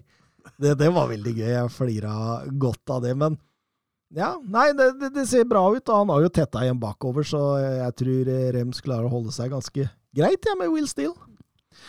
Um, nå skal vi ta litt andre spørsmål vi har fått, før vi avslutter. Um, Finn Halvorsen. Hvor stor innflytelse kan denne VM-pausen ha for ligaene? Jeg tror den kan ha veldig stor. Eh, vi ser det ofte når det er store turneringer eh, i sommeren, Så sliter en av de topplagene litt med å komme i gang etter turneringa er. Spillerne er slitne. Eh, selvfølgelig spillerne kan komme tilbake skadet i verste tilfelle. Og den tredje effekten er jo at lagene som har mange spillere til VM, ikke får jobbet noe som helst på treningsfeltet, egentlig. Lag som har én, to, tre spillere ute, kan bruke den pausen her veldig produktivt og jobbe Uh, og bruke nesten hele laget. Det er ikke like mulig for City, Bayern, Barca, andre lag som har mange spillere borte. Og en god formkurve før VM kan du egentlig bare kaste rett ut av vinduet. Mm. Du må bygge opp på nytt. Uh, og det er som Søren sier, mange lag her får ikke et treningsgrunnlag før, eh, før det er i gang igjen. Så det kan få, for eksempel da, for et lag som Arsenal, så kan det få stygge konsekvenser. Ja, det er jo noe vi ikke har testa før. Mm. Så det, det blir veldig spennende. Og det, særlig i Premier League, da, hvor de går rett inn i boxing day. Mm. Tenk de spillere der som kanskje når en eventuell finale. Mm. Det er ikke mange dagene. Og La oss si England går til finalen, da. og da blir det tøft. Da blir det tøft. Um, Jørn Henland. Hvis det hypotetisk blir en all-star-kamp i Premier League, hvilke to startelvere hadde dere ønsket uansett hvor de spiller i England? Og Jørn, vi tok, eh, vi tok oss friheter, vi. Ja. Vi lagde et all-star-lag London mot resten av landet. Ja, det skal, jeg, jeg skal personlig innrømme det laget jeg har laga. Det har jeg avviket fra 90 minutters stil. Har Ja, kjører 4-3-3. Hva er det for noe greier da, Mats? det er de beste lagene som man kan få i 4-3-3 nå. For det gjelder faktisk begge. Både Ja, men da blir det jo litt vanskelig å enes, da. For Jo, vi må jo enes. Jo, jo. Når du plutselig sånn, uten å informere oss om det på forhånd til og med Nei, vi skal vel klare å lage et 4-3-3-lag. Jeg, jeg tenker bare med tanke på hvor mange gode sentrale midtbanespillere det fins, og at jeg mener at uh, den sentrale spissplassen, da er det særlig to som fortjener å være med, ett på, en på hvert lag, så var egentlig den avgjørelsen ganske gøy. Skal vi la han Nei, jeg syns ikke det. Nei, du syns 4-4-2 Ja, er det synes jeg. Det er jo det vi har Det kjørt det vi har gjort hele da. Ja, men det er Oldstyle. Ja, men, altså, vi har jo kjørt to angripende midtbanespillere i en 4-4-2. Vi Ja, men jeg tenker jo man, siden det er Premier League Oldstars er sett sten, så må man jo nesten tilpasse seg litt uh, hvordan det ser ut, da. ja, Da får du sette De Bruyne på bekken, da. Nei, vi kan begynne med. Vi, vi kan begynne med Skal vi begynne med resten av landet før London? Ok. Keeper. Alison. Ja. Uh, og vi, vi ble jo også enige om at uh, det er jo ikke bare nåværende sesong, det er jo også litt sånn den stjernestatusen en spiller har, som spiller inn i et All-Star-lag. Absolutt. Vi må ha litt stjernestatus inn der. Så spillere som har prestert veldig godt i år, er ikke nødvendigvis tatt med hvis det er en som har en litt større stjerne. Litt sånn, jeg føler at det er litt sånn begge deler da, kanskje. Ja, litt, vi, vi, vi, vi blander litt kort, Ja. Men Alison, ja. Høyrebekk, Mats. Hvem har du der? Nei, jeg har ikke forberedt noe, så dere får kjøre, dere. Du får si deg uenig Lene. Jeg har faktisk Trent Alexander Arnold. Jeg òg. Det er jeg helt enig i. Eh, stopper Vi kan ta stopper re, Søren. Ja, da har jeg eh, Diaz og van Dijk. Da er vi enige der. Diaz kan jo ikke spille. Han må spille i Allstar. Ok. Hvem ville du hatt? Nei, jeg bare tenkte han er skada, eller han er At han er skada, Ja, jeg var ikke kampene spilles nå. Avvikle VM, og så tar vi heller en sånn Allstar-kamp. tar vi eh, Nei, nei jeg har forberedt Diaz, jeg òg. Eh, Cancelo venstre, da? eller? Ja, det er helt riktig. Mm. Mye Liverpool og City her, eller? Det er overraskende. jeg, jeg så det her, at det blei mye Liverpool og City i resten av landet. Det gjorde det. Hva blei det? 4-3-3 eller 4-4-2? For meg blir det 4-3-3, og hvis ikke du har forberedt noe, Thomas, er OK med 4-3-3? Ja, jeg må forandre mye her, eh, tror jeg. Men eh, ja, ta tre på midten, da. Ja, da har jeg eh, Rodri, og så har jeg som dyptliggende så har jeg De Bruyne som den ene indreløperen, og Bruno Fernandes som den andre. Eh, valget falt på Bruno Fernandes og ikke Bernardo Silva, eh, på grunn av at hvis det er et Oldstad-lag som skal tiltrekke seg mest publikum, er det lurt å ha med Manchester United-spiller. Så du skal ikke ha med Ronaldo? Må jo ha med han i en Allstar-lag. Nei. Ja. Nei, ikke, med de utsagnene som han nå har kommet Jo, med, med det intervjuet han diskvalifiserte seg sjøl fra samtlige Jo, Tenk deg at. Ten Hag tar og trener det laget, og så Ronaldo på banen. Skal du ikke ha med Ronaldo? Nei, absolutt ikke. Ja, men det, det har jeg, så da får Mats bestemme. Jeg har ikke med Ronaldo. Det er helt uaktuelt å ha med Ronaldo i, i noe men som helst. Allstar-sammenheng nå. Først må vi bestemme om vi skal ha en trio eller en firer på midten, da. Jeg har jo en firer på midten, jeg har, eh, men jeg har juksa litt og kjørt Mo Salah høyre, eh, Marcus Rashford venstre, og, og Bruno Fernandes og Kevin De Brøne sentralt. Ja, den er litt sexy, den midtbanen. Mm. Er det. To spisser på kantene der, og to offensive Ja, midtbanespillere. ja, da får jeg få plass til både Erling Braut Haaland og Cristiano Ronaldo Jeg, framme. jeg er strikt imot. Han, han, Haaland er jeg selvfølgelig Haaland er bankers, men Ronaldo har ødelagt sitt eget rykte nå. Det, det kan ikke ta med en sånn spiller på et Allstar-lag. Men Altså, går ikke an å skyve Rashford opp på toppa, så tar du De Brøne ut venstre, og så får du inn Rodri? det går faktisk an, det. Jo, jeg kan være med på det hvis du vi avviker til 4-4-2. er det Ronaldo? Ronaldo han er jo er jo ikke god nok! Det er den største stjerna av dem alle, da. Ikke Jo, nå han er ikke god nok! Nei, men han er den største stjerna av dem alle. Jo, jo, Federer er stor stjerne, han òg. Dytter jo ikke han inn på laget. Nei, men det er, det er greit, det. Jeg skal Ja, men jeg kan, jeg kan leve med Rashford og Salah hadde jeg uansett. Eh, London-laget, da. Ja, kan vi jo starte i mål. Der sto det faktisk mellom to, eh, og da gikk jeg litt på den, for den største stjernen. Jeg syns jo Ramsdale har sett under ett prestert bedre enn Loris, i hvert fall inneværende sesong, men det er Loris som fransk landslagskaptein og verdensmester som er den største Ja, men han mangler jo moralsk kompass, da. Nei, han gjør ikke det. For Frankrike gjør det. men uh, Loris kommer i hvert fall inn der, som uh, min keeper. Bekkene Reece James og Ben Shilwell. Yes. Mm. Eh, Stoppende Saliba og Romero. Kemerson Royal, får han plass? Du blir så fin når du ikke har forberedt noe. Kan bare sitte og dytte, dytte inn eh. Håpløse forslag. Ja, så kommer vi tilbake til den treeren-fireren, da. Jeg Ja. har eh, Hvem ble stoppere? eh, Saliba og Romero. Mm. Ja. Det er den som var nærmest med tanke på status, var Tiago Silva. Synd ikke Martinez kunne vært sammen med Romero der. Det hadde jo vært, vært kjip, kjip stopper du å møte i en Det- det- Ås- Åsland-kamp. Hadde minst fem spillere kommet, kommet ut av skada på det andre laget. Jeg har to sentrale midtbanespillere. Eh, det er Ngolo Kanté og Declan Rice. Kan være. Det var veldig Jeg kan defensivt i forhold ja, til men den jeg andre. kan, jeg kan være med på de. Jeg har tatt med, tatt med Høibjerg, og så må vi trikse litt på kant, da.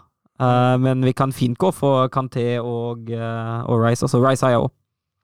Rice, Kanté og Høibjerg, da. Hvis vi Ja, ja, ja, ja, jeg hadde, jeg hadde Ødegård istedenfor Kanté, men uh, jeg er enig i at Kanté er en større stjerne. Mm. Så jeg kan gjerne ta med Eller i hvert fall akkurat nå. Jeg kan gjerne ta med Kanté. Vi må spille 4-4-2. Vi hadde jo det på forrige, må spille det nå. Nei, vi gikk jo over til 4-3-3. Ja, men vi kan spille 4-4-2 på det laget her, syns jeg.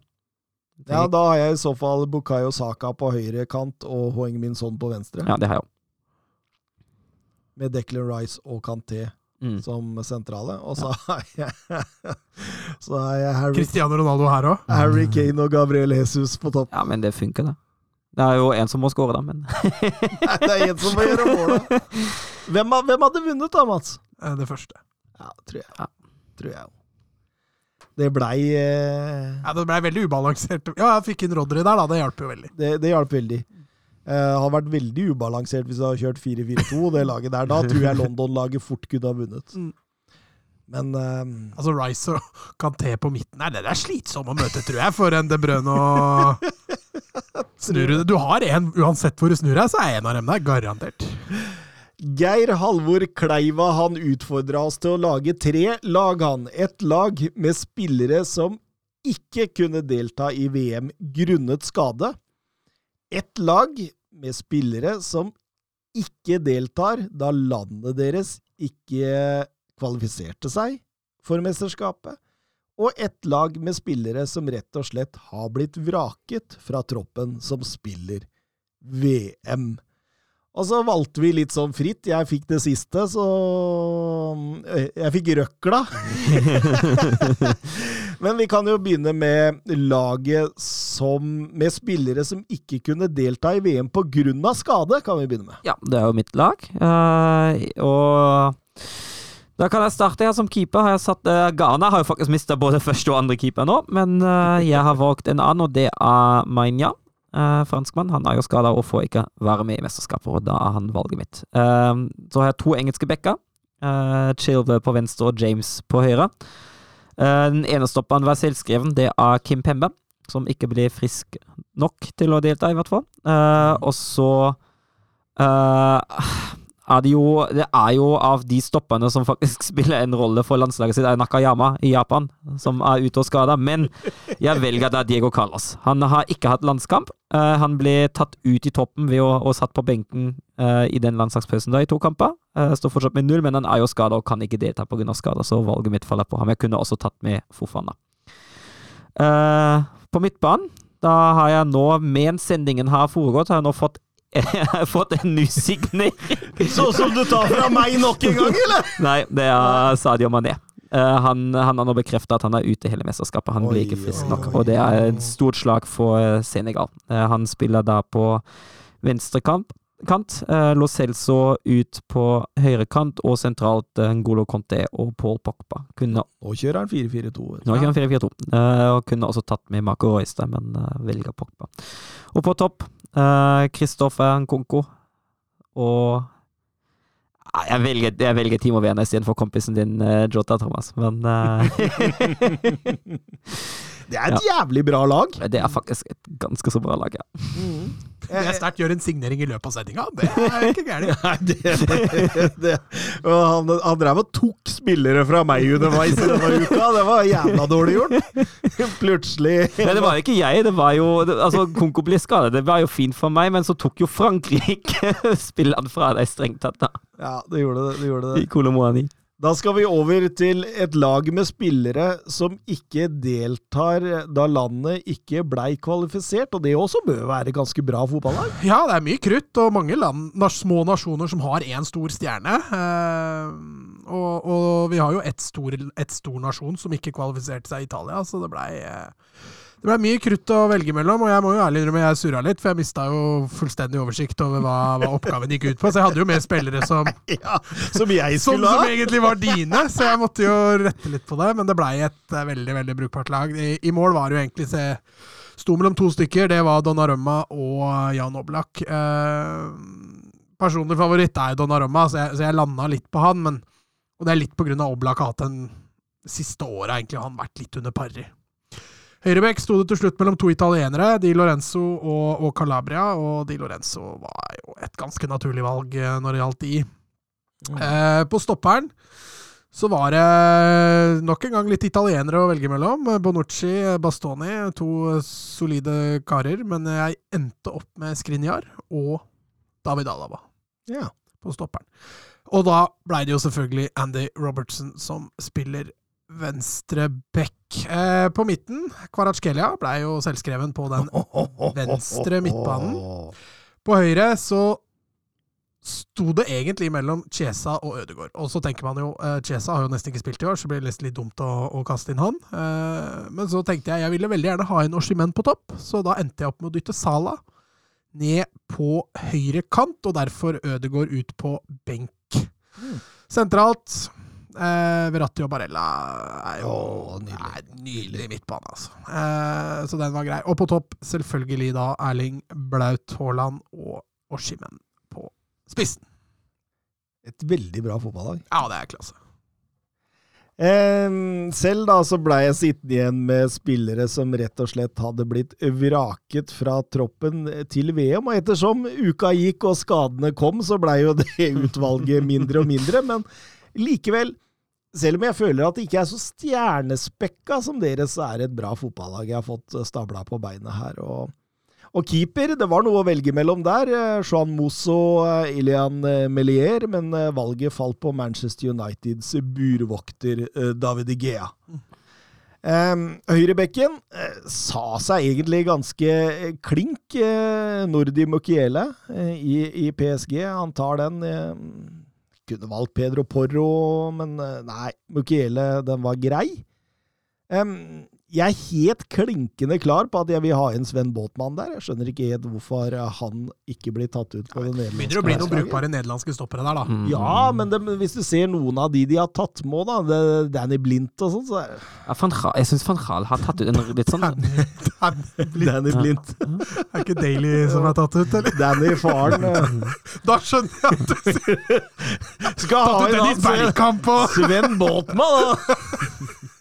Michael Men, det- Reitziger. men, jeg- men, jeg, men jeg syns det er litt rart Ja, at du ikke Fa- bo- altså, Både van Gaal, eh, Southgate og Louis Henrique. Altså, det, er noen, eh, det er noen rare valg som er tatt der. Altså.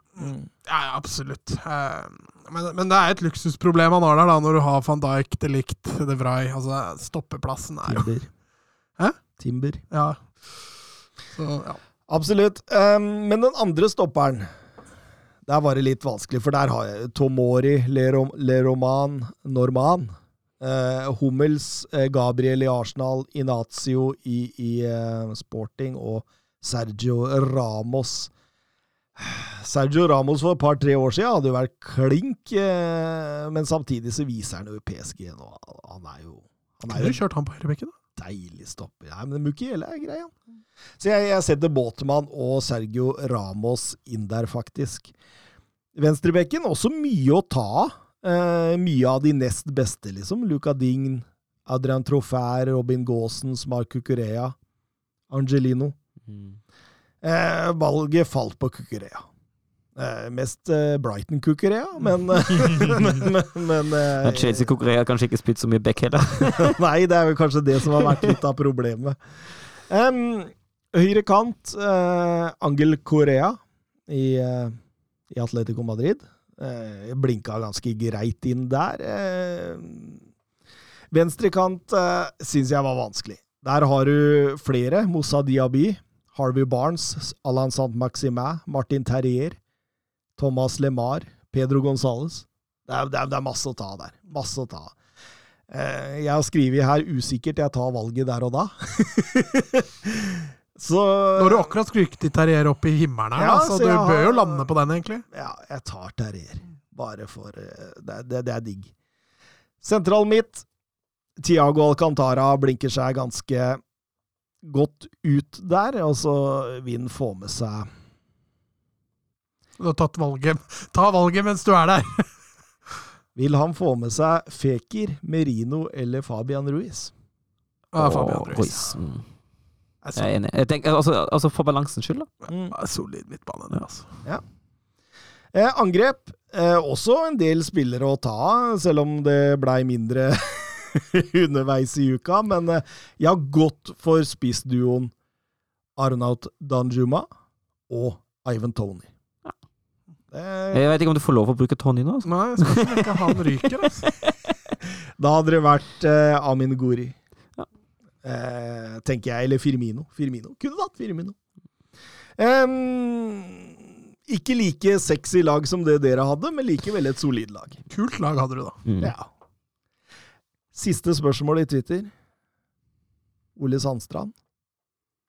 Hvem er de mest spennende landa i VM?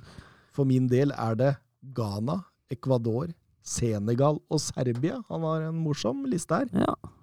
Det er en eh, det, Senegal ble jo litt mindre spennende når man er borte. Mm. Ja. Eh, Jeg syns jo Danmark er fryktelig spennende. Eh, For meg er Danmark en dark horse, eh, som jeg mener kan komme ganske langt. Eh, Et fryktelig sympatisk lag. Eh, god lagånd, god balanse i laget. Bredden er kanskje ikke helt da man skulle ønske den skulle være, men uh, En skade på Høibjerg eller Eriksen, så er det ja. fort. Eh, Men jeg syns Danmark ser fryktelig, fryktelig spennende ut. Eh, Og ja, Tenk at det Ja. Det er ditt lag. Ja, jeg tenker jeg skal følge litt ekstra med på Qatar i år, jeg, da. Har kjøpt deg Qatar-drakt, du! ja. Jeg hører noen rykter om en 1-0-seier mot Ecuador i første kamp der. Det var ryktes at de har, at de har betalt eller, Det kom insidere ut ifra det som var på Twitter. Insidere fra Qatar og Ecuador sier at Qatar har det var 4,7 millioner dollar. eh, prøvd å bestikke eller bestukket Ecuador til at det blir 1-0. Jeg veit ikke om det stemmer, det kan bare være vass. Mafiaen i Qatar de har ikke skjønt at du skal holde det der stilt. vet du. Ser fanbasen til England som allerede er der nede og spiller. Men det verste er jo at Det blir It's coming home synges de fullstendig Men altså, det, det, verste er jo at det hadde ikke overrasket meg om det var sant. Nei, men det, det- det, det blir jo litt sånn at uh, Litt enig med deg. Det blir litt sånn at uh, man tror jo ikke på det. Fordi man gjør det bare ikke. Men men samtidig at man, det har vært krefter der som kan kjøpe Prøve å kjøpe en seier, det er klart. Men det er som jeg sa til deg når du nevnte det. altså Bare se på murbrekkeren til, til eh, Brighton på midtbanen der, han Caicedo. Hvis han skal få beskjed om å tape kampen, det tror jeg ikke går bra.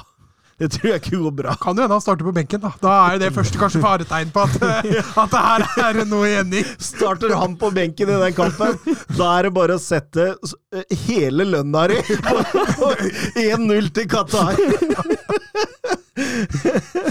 Nei da, men jeg er litt enig med Søren. Danmark blir jo, blir jo spennende å følge. Og så har du disse storlagene, altså Nederland. Eh, det er litt synd van Gaal er trener der, egentlig. For det, jeg skulle ønske de hadde en litt mer spennende trener. Og samme kan jeg si om England. Altså, Synd Southgate er trener, for de, hadde de hatt en litt mer, så kunne det også blitt veldig bra. Jeg har selvfølgelig en forkjærlighet for Spania. Jeg kommer jo til å, til å følge der litt ekstra. Eh, så er det jo Frankrike blir jo og så er det gøy å se hvordan Ronaldo utvikler seg. Han er krangler om alt, virker det som. Cancelo vil ikke ha noe med å gjøre. Fernandes vil ikke ha noe med å gjøre. United vil ikke ha noe med å gjøre. Det er ingen som vil ha noe med han å gjøre. Og Bayern München, som er mest linka til, den vil ikke ha noe med å gjøre. ja, Bayern kommer ikke til å være i nærheten av å signere engang. Det skjer ikke. Det Og så er, er det selvfølgelig spesielt med, med Messi sitt siste VM. Eh, Tenk, det, dette her kan være siste VM-et til Neymar, Messi og Ronaldo. Ronaldo. mm. Neymar tror du ikke han tar et VM til? Han har jo snakka om det med motivasjonen for å spille på det toppnivået lenge. Og, Altså, han er jo sånn som begynte tidlig, da. Han var tidlig to topp, så det kan hende han legger opp litt tidligere også. Eh, men Neymar er jo den klart yngste av de gutta, da. Eh, Personlig, for meg, så, så gleder jeg meg til å se Uruguay. Mm. Ja, en sånn blanding av rutinerte unge spillere og massevis av stjerner. Altså Darwin Núñez, Fede Valverde, Arojo, stopperne i Barca, eh, Bentancour, Jiminez, stopperne i Atletico. Eh, De har jo også en ung eh, spillende ballsentral i Ugarte, som vi så en del av i, Champions League. Og de eldre travere er også med. Altså Cavani, Suárez, Godin. Muslera, Muslera og eh, Mathias Vecino. Eh, I tillegg så Facondo Torres og Canobio kommer til å bli spennende sånne tilvekster, begge to liksom utenfor Europa, men du har hørt litt om, da. Så eh, Uruguay er liksom en sånn land jeg gleder meg litt til å se her. Er ikke de sånn på samme folketallsnivå som Norge? ja cirka. Men kort før vi avslutter, da. Hvem vinner VM? Uh, Brasil. Å nei, tror du det? Mm. Men altså, det skal jo sies at det som er jo så utrolig vanskelig å tippe nå, er jo at man har den følelsen at det er så lite som skiller uh, de to lagene der. Man har ikke hatt en oppkjøring som har gitt noen indikasjoner, egentlig. Uh, og jeg syns egentlig alt er fryktelig jevnt i toppen der, men ja, jeg holder en knapp på Brasil. Jeg gjør det. Altså, Offensivt så har de vel kanskje det mest spennende laget, det, det er jeg jo helt enig med deg. Men jeg husker den når Brasil var i VM og hadde eh, ah, De hadde Ronaldo, Ronaldinho Adriano og Rivaldo. Mm. Alle tenkte ååå, men de var jo fullstendig blotta defensivt. Det er litt sånn jeg tenker nå. Nei, jeg tripper hvis jeg må Frankrike, Nederland.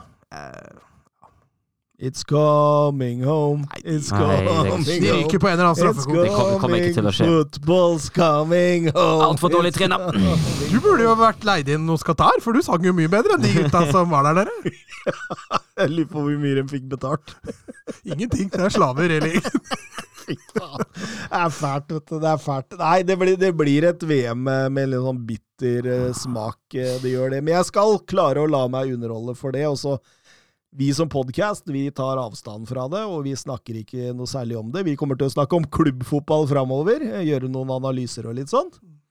Men eh, at alle tre her kommer til å se noen kamper, det, det gjør vi nok. Slår nok ikke feil, det, nei. På gjenhør? Eh, Auf Wiedersehen. Ha det. Messi surging forward